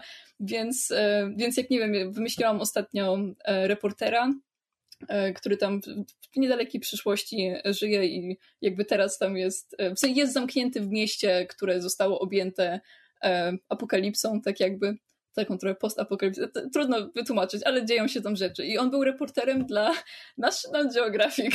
Tak sobie myśliłam, więc zaczęłam jakby grzebać o tym, jak wygląda praca tych reporterów, w ogóle o czym oni piszą, jak, jakie zdjęcia robią, inne takie. I, i takie e, podejście bardzo indywidualne do tematu e, jakby bardzo do mnie przemawia. Po prostu e, jakby powiedziałabym, że łatwo ominąć stereotypy u mężczyzn, ale trudno się wczuć tak tak mocno w tą postać, mm -hmm. więc, więc teraz jak gram jakimś mężczyzną, to staram się trochę tak głębiej w to, w to wejść. Mimo tego, że no jakby nie da się uniknąć tego, że jestem dziewczyną i brzmią, brzmię jak dziewczyna, więc jak gram z kimś, kto, kto jakby wie, że jestem, że wie, no jakby jest głęboko świadomy tego, że jestem dziewczyną, to, to jakby e, zdarzają się momenty, w których ktoś do mnie mówi jakby per, per jakby zajmek żeński i w ogóle, ale staram się na przykład obniżać głos. To, to nie jest, to jakby nie, nie wiem na ile to wychodzi, ale staram się po prostu jak gram jako mężczyzna po prostu obniżać e, głos albo mówić trochę innym tempem albo coś w tym stylu, żeby po prostu jakby e, zapewnić innym graczom tą imersję, którą ja sama bym chciała od siebie mhm. i którą sobie podświadomie wyobrażam, bo jakby nie oszukujmy się, tworzenie postaci, e, jakby napisanie karty postaci i wyobrażanie sobie postaci to jest zupełnie inna rzecz od odgrywania, bo póki nie zagrasz tej pierwszej sesji, tej sesji zero z tym gościem, którego sobie wymyśliłaś, to on może być, to on jest, on jest zupełnie inną postacią niż to, jak ty będziesz w stanie ją odgrywać tak na żywca.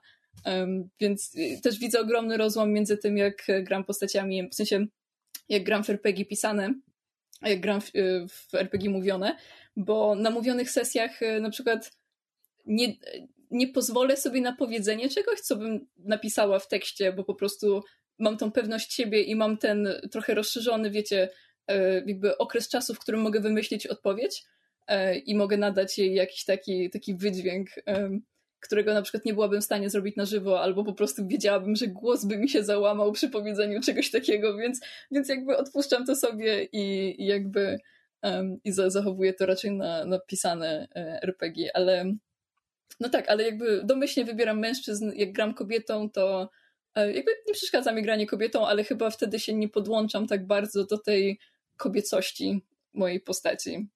Jakby. Hmm. Nie wiem, czy to ma sens. Znaczy, dla mnie to jest szalenie ciekawe i bardzo mnie cieszy, że o tym wspomniałaś, jakby tym, bo umówmy się, e, tutaj Karolina wspomniała o toksycznej męskości i wydaje mi się, nie, że chcę tutaj panom robić psychoanalizę, bo nie po to, żeśmy się tutaj zebrały, e, ale wydaje mi się, że jest pewna, pewne, pewne połączenie pomiędzy tym, co jest stereotypem męskości, a tym, co jest toksyczną męskością. W sensie tam jest bardzo mhm. wiele elementów wspólnych.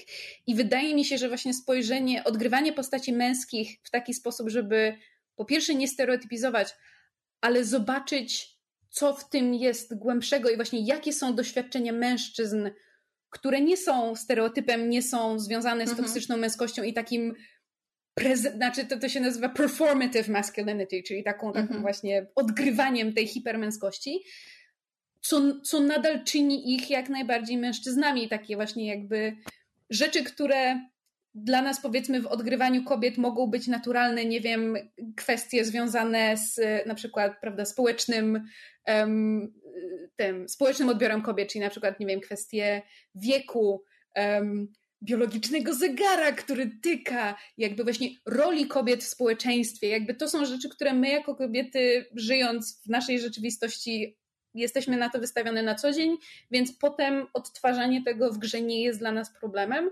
I wydaje mi się, że bardzo fajnym podejściem jest właśnie jakby zastanowienie się, jak tego typu kwestie bycia mężczyzną można przenieść do, do RPGa. I właśnie niekoniecznie na zasadzie, o, muszę obniżyć swój głos i teraz będę udawać przystojnego mężczyznę, bo można operować głosem, ale wydaje mi się też, że to potrafi być bardzo duża bariera. W sensie wydaje mi się, że bardzo wiele um, graczy, graczek, mistrzów czy mistrzyń gry um, ma czasami właśnie takie e, boi się odegrać postać innej płci, stricte na takim właśnie jakby fizycznym poziomie, jakby, nie wiem, operowania ciałem, mimiką, głosem, w momencie, kiedy tak naprawdę nie musieliby iść w stronę, wiecie, piszczenia jako kobieta i obniżania głosu jako mężczyzna, bo można, można odegrać postać sposobem mówienia, prędkością, akcentem, tonem, emocją, wszystkim. Nie trzeba jakby wchodzić w te takie najwyższe rejestry i można znaleźć jakby wszyscy jesteśmy ludźmi, wiele naszych doświadczeń jest wspólnych. E, chodzi o to, żeby jakby znaleźć ten wspólny mianownik i znaleźć te elementy, które są różne i próbować je wiarygodnie, e, wiarygodnie odegrać. Um, mhm. I ja bym jeszcze chętnie z wami bardzo długo na ten temat rozmawiała. Ja chciałam. Drugi odcinek. Jeszcze Zuzie daj A, dobrze. To w takim razie prosimy jeszcze Zuzę. E, znaczy powiem tak, co do odgrywania NPC-ów, to nie wiem, musiałyby się powiedzieć Sandra i Ania, jak mi wychodzi. E, odgrywanie NPC-ów różnej płci, e, czy też różnej rasy. Natomiast jakby z punktu widzenia gracza mam bardzo nieduże doświadczenia e, z graniem inną płcią. Jakby wcześniej grałam co najwyżej kobietami, które udawały mężczyzn. Słynny rycerz bretański z Brytanii. I jakby ostatnio teraz, jak zaczęłam tą kampanię Maga, to do, zostały nam przedstawione cztery archetypy postaci, którymi mogliśmy zagrać, jakby bez podawania szczegółów, tak? Po prostu archetyp. I jak został tylko wypowiedziany archetyp spec od komunikacji, to w mojej głowie coś się zaswieciło i stwierdziłam, o mój Boże, chcę zagrać byłym żołnierzem, facetem i to było po prostu, miałam w sekundę pomysł na postać. Nigdy nie miałam tak szybkiego olśnienia jak w tamtym momencie. I jakby wbrew pozorom, znaczy na początku mi gry stwierdził, ej, weź Zuzano, zagraj kobietą, będzie nam wszystkim ciężko się przyzwyczaić. Zająłem to 15 minut na sesji, chciałam. w reelu, więc jakby czasami zdarza im się pomylić zaimek, ale jakby po pierwsze nikim na to nie zwraca uwagę, nie próbują się poprawiać sami, tylko po prostu przy następnym podejściu jest poprawnie i jakby nikogo to nie wybija z rytmu grania. Natomiast o dziwo naj, najtrudniejsze się okazuje dla mnie granie żołnierzem, bo ja bardzo, nie tyle, że może nie lubię przemocy, ale nie lubię jakby całej militarystyki. Uważam, że jakby wojna to jest straszna głupota, marnowanie ludzkiego życia, czasu i pieniędzy. E, więc jakby granie kimś, kto z własnej woli poszedł do wojska, zaciągnął się, e, przeszedł szkolenie wojskowe i spędził w wojsku 8 lat, jest niezwykle trudne. Mhm. I, I, jakby to jest, to jest ten aspekt, który mi sprawia najwięcej problemu. Nie to, że to jest mężczyzna. E, I jakby drużyna, że tak powiem, zaakceptowała, że okej, okay, dobra, Zuza to David i koniec, kropka. I, I jakby pod tym względem myślę, że też mówię, no może to kogoś wybijało przez pierwsze 15 minut gry, jak opisywaliśmy swoje postacie, że, że okej, okay, dobra, Zuza gra muzułmaninem 1,90 m, facetem, cool, it's fine, doskonale. Znaczy tak, to, e, to takie podejście na zasadzie słuchaj, nie jestem sobie w stanie wyobrazić ciebie jako faceta, ale kurde, jesteś mnie w stanie sobie wyobrazić jako fioletowego ludzia, stary, tak? Dokładnie, tak. dokładnie. Więc jakby to, to, był problem dosłownie yeah. przez chwilę, a nagle się okazuje, że to wcale nie jest problem. I jakby nawet sam mistrz gry przyznał, że jakby pozwolił mi grać tą postacią, dlatego że chciał mi sprawić radość i żeby mi się fajnie grało. A potem było takie, ok, it was a non-issue, w ogóle się tym nie powinienem był przejmować. Mhm. To też miłe doświadczenie dla nich, myślę. Myślę, że tak. Znaczy trochę, trochę moją przyjaciółkę, z którą gram, trochę jej współczuję, bo teraz jakby niby są dwie dziewczyny na sesji, ale tylko jedna kobieta w drużynie. Więc jest trochę tak. takim rodzynkiem, którego chronimy. I jakby ciekawe jak ona się z tym czuje, kiedy jakby wszystkie trzy postaci są takie o nie, widzieliśmy coś strasznego, musimy cię ochronić przed tą straszną informacją. I szybka uwaga co do tego żołnierza, bo to jest właśnie bardzo ciekawe. Jedna z tych takich rzeczy, do którego robiłam research, bo ja jakby mistrzuję taką y, już trzyletnią kampanię historyczną, gdzie bardzo dużo osób ma jakby wojskowe zaplecze, w sensie y, przeszłość po prostu w wojsku. Y, dużym problemem dla mnie było po prostu właśnie zrozumienie tego, dlaczego mężczyźni chcą iść na wojnę. W sensie nie mówię, że ekskluzywnie mężczyźni, ale że takie poczucie obowiązku i i może w jakiś, e, nie chcę powiedzieć idealizowanie, ale na pewno e, dostrzeganie wartości w wojnie. E, dlaczego to się dzieje i dlaczego mężczyźni to, to częściej doceniają, a kobiety rzadziej. To jest bardzo trudne do zrozumienia, ale też bardzo ciekawe, bo dużo, po prostu dużo, jest dużo rzeczy do przeczytania na ten temat. Po prostu osób, które były na wojnie i jakieś właśnie swoje wspomnienia i przemyślenia na ten temat dają i jakby psychologiczne aspekty tego i filozoficzne, no po, po prostu ja, ja bardzo ciekawy, tak. bo ja David... podobnie też zupełnie nie rozumiem wojny i, i nie dziękuję, ale, ale fajnie mieć czasami postać żołnierza i próbować się wczuć, jakby psychicznie nastawić pozytywnie do tego wszystkiego, co normalnie na, na co dzień w, w realnym życiu by mi się wydawało zupełnie nie do zaakceptowania powiem tak, David jest moją najlepiej zresearchowaną postacią. Mm. Do, do tego stopnia, że jakby e, moment, w którym on przeżył e, katastrofę lotniczą, jest jakby dosłownie jest wydarzeniem historycznym. Jedyną modyfikacją jest to, że jakby on jest e, tam wciśnięty, tak? Więc jakby to jest absolutnie najlepiej zresearchowana postać, jaką zrobiłam. No i dałam sobie takie zabezpieczenie, że jego wyjście z wojska było dość traumatyczne, więc też jakby niekoniecznie ma super pozytywny stosunek do tego, um, ale, ale jakby no na pewno ma też jakieś pozytywne wspomnienia związane ze służbą, ale e, granie, granie właśnie postacią, która powiedzmy, której karierą było zabijanie, jest, jest mi bardzo obce, bo ja jestem big old softy i jakby w, gr w gruncie rzeczy, nieważne jaką postacią gram, gdzieś w środku jest bardzo mięciutka i przytulaśna i, i very soft. Znam to. Znam to. Pró próbuję czasami grać stoickie postacie, które niekoniecznie lubią wszystkich dookoła i mi to nie wychodzi. Prędzej czy później wychodzi ze mnie po prostu słodka pianka pod tytułem Kocham was wszystkich. Tak, tak. Każda, tak, każda tak. moja postać ma w głębi gdzieś jakiś marshmallow. Tak, znaczy, dokładnie. Wilani nie, których prowadzę, chociaż staram się im dawać oczywiście odpowiednie motywacje ale jakby gdzieś, nieważne czy założę jakąś strasznie gburowadą postać, czy nerwaną postać, czy jakiś, jakąś straszną nerdkę, to gdzieś tam w środku jest very soft. Zdradziłam największy tak, tak. sekret. E, ja, ja też mam e, tendencję do robienia takich tak zwanych tsundere. Bardzo często to robię. Może zdradziłam teraz broń moim graczkom, każdy NPC, którego spotykacie w głębi serca i za Big Old Softy. Yep. Tylko musicie się dokopać, nie? Odpowiednio głęboko. Wiadomo. Interesting. Dobrze, miłe panie. E, myślę, że tym e, tsundere e, mięciutkim akcentem skończymy na dzisiaj, bo nagrywamy już bardzo długo.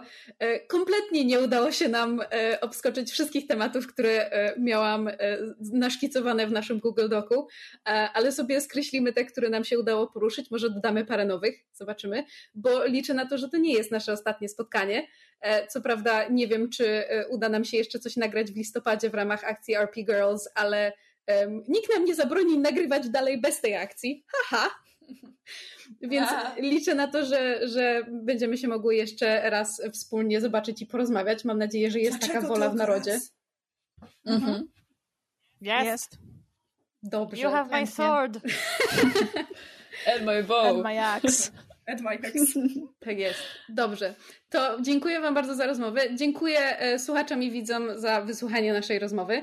Um, na wszelki wypadek powtórzę na koniec, że nie głosiłyśmy tutaj żadnych prawd objawionych i to są tylko nasze doświadczenia i przemyślenia ile miłośniczek i miłośników RPGów, tyle historii. Jak widać, my bardzo ochoczo dzieliłyśmy się naszymi, bo mam wrażenie, że tak to jest, jak się grupie, e, zbierze grupę nerdów, miłośników RPGów, to po prostu nie kończą się tematy, bo zawsze jest kolejna historia i, i kolejna postać i kolejny przypadek, który warto by było omówić. E, jeśli wciąż Wam mało ciekawych rozmów o tym, jak to jest być kobietą grającą w RPG. E, na facebookowym profilu Graj Kolektyw możecie obejrzeć e, fantastyczną dyskusję w ramach właśnie akcji RP Girls na temat stereotypów kobiet w RPGach. Link do filmu, jak mi się uda, to wrzucę w opisie tego odcinka. I w ogóle bardzo polecam e, ich śledzić. Liczę na to, że to nie będzie ich jedyna dyskusja też w kobiecym składzie, która się tam pojawi, bo naprawdę akcja jest strasznie fajna i, i, warto ich śledzić, warto tego wysłuchać. E, zachęcam też do śledzenia wszystkich moich rozmówczyń w internecie. Nie będę was tutaj wyzy ten, ten, wyzywać wyzywać. Wow. Nie będę was wyzywać. wyzywać. Nie będę Dawaj. was wyciągać do odpowiedzi indywidualnie, gdzie którą z was znaleźć w internecie, um, ale poproszę was potem prywatnie o, o, linki i je też wrzucimy w opisie, żeby wszyscy was mogli um, znaleźć, jeżeli będą mieli takie pragnienie i ochotę. A tutaj jest uwaga od mamy myszy, jeżeli ktokolwiek będzie niemiły dla moich współrozmówczyń, to ja się z nim policzę i to nie będzie miłe. Więc tylko tak mówię. Nie, słuchajcie, nasza społeczność jest kochana i do rany przyłóż i absolutnie e, będą grzeczni, prawda? Będą grzeczni. Um, tak. E, I jeśli chcecie e, zobaczyć lub posłuchać, jak ja i Ramaru gramy w RPG z grupą bardzo sympatycznych panów, to możecie zasubskrybować kanał podsłuchane.pl na YouTubie lub poszukać podcastu Sesje na podsłuchu na swojej aplikacji podcastowej bo wkrótce ruszamy z nową kosmiczną kampanią, więc to jest idealny moment, żeby do nas dołączyć i będziemy z Anią grały nowymi, interesującymi postaciami, które być może mają coś wspólnego z tematem dzisiejszej rozmowy. Prawdopodobnie mają. Tak. E, I to tyle na e, dziś. Dziękujemy Wam bardzo za uwagę. Zachęcamy do zostawiania komentarzy. Dziękuję Wam bardzo, a dziewczyny, byłyście boskie i widzimy się jakoś i słyszymy wkrótce. No. To my dziękujemy za zaproszenie. Cześć, cześć, dzięki. Dzięki.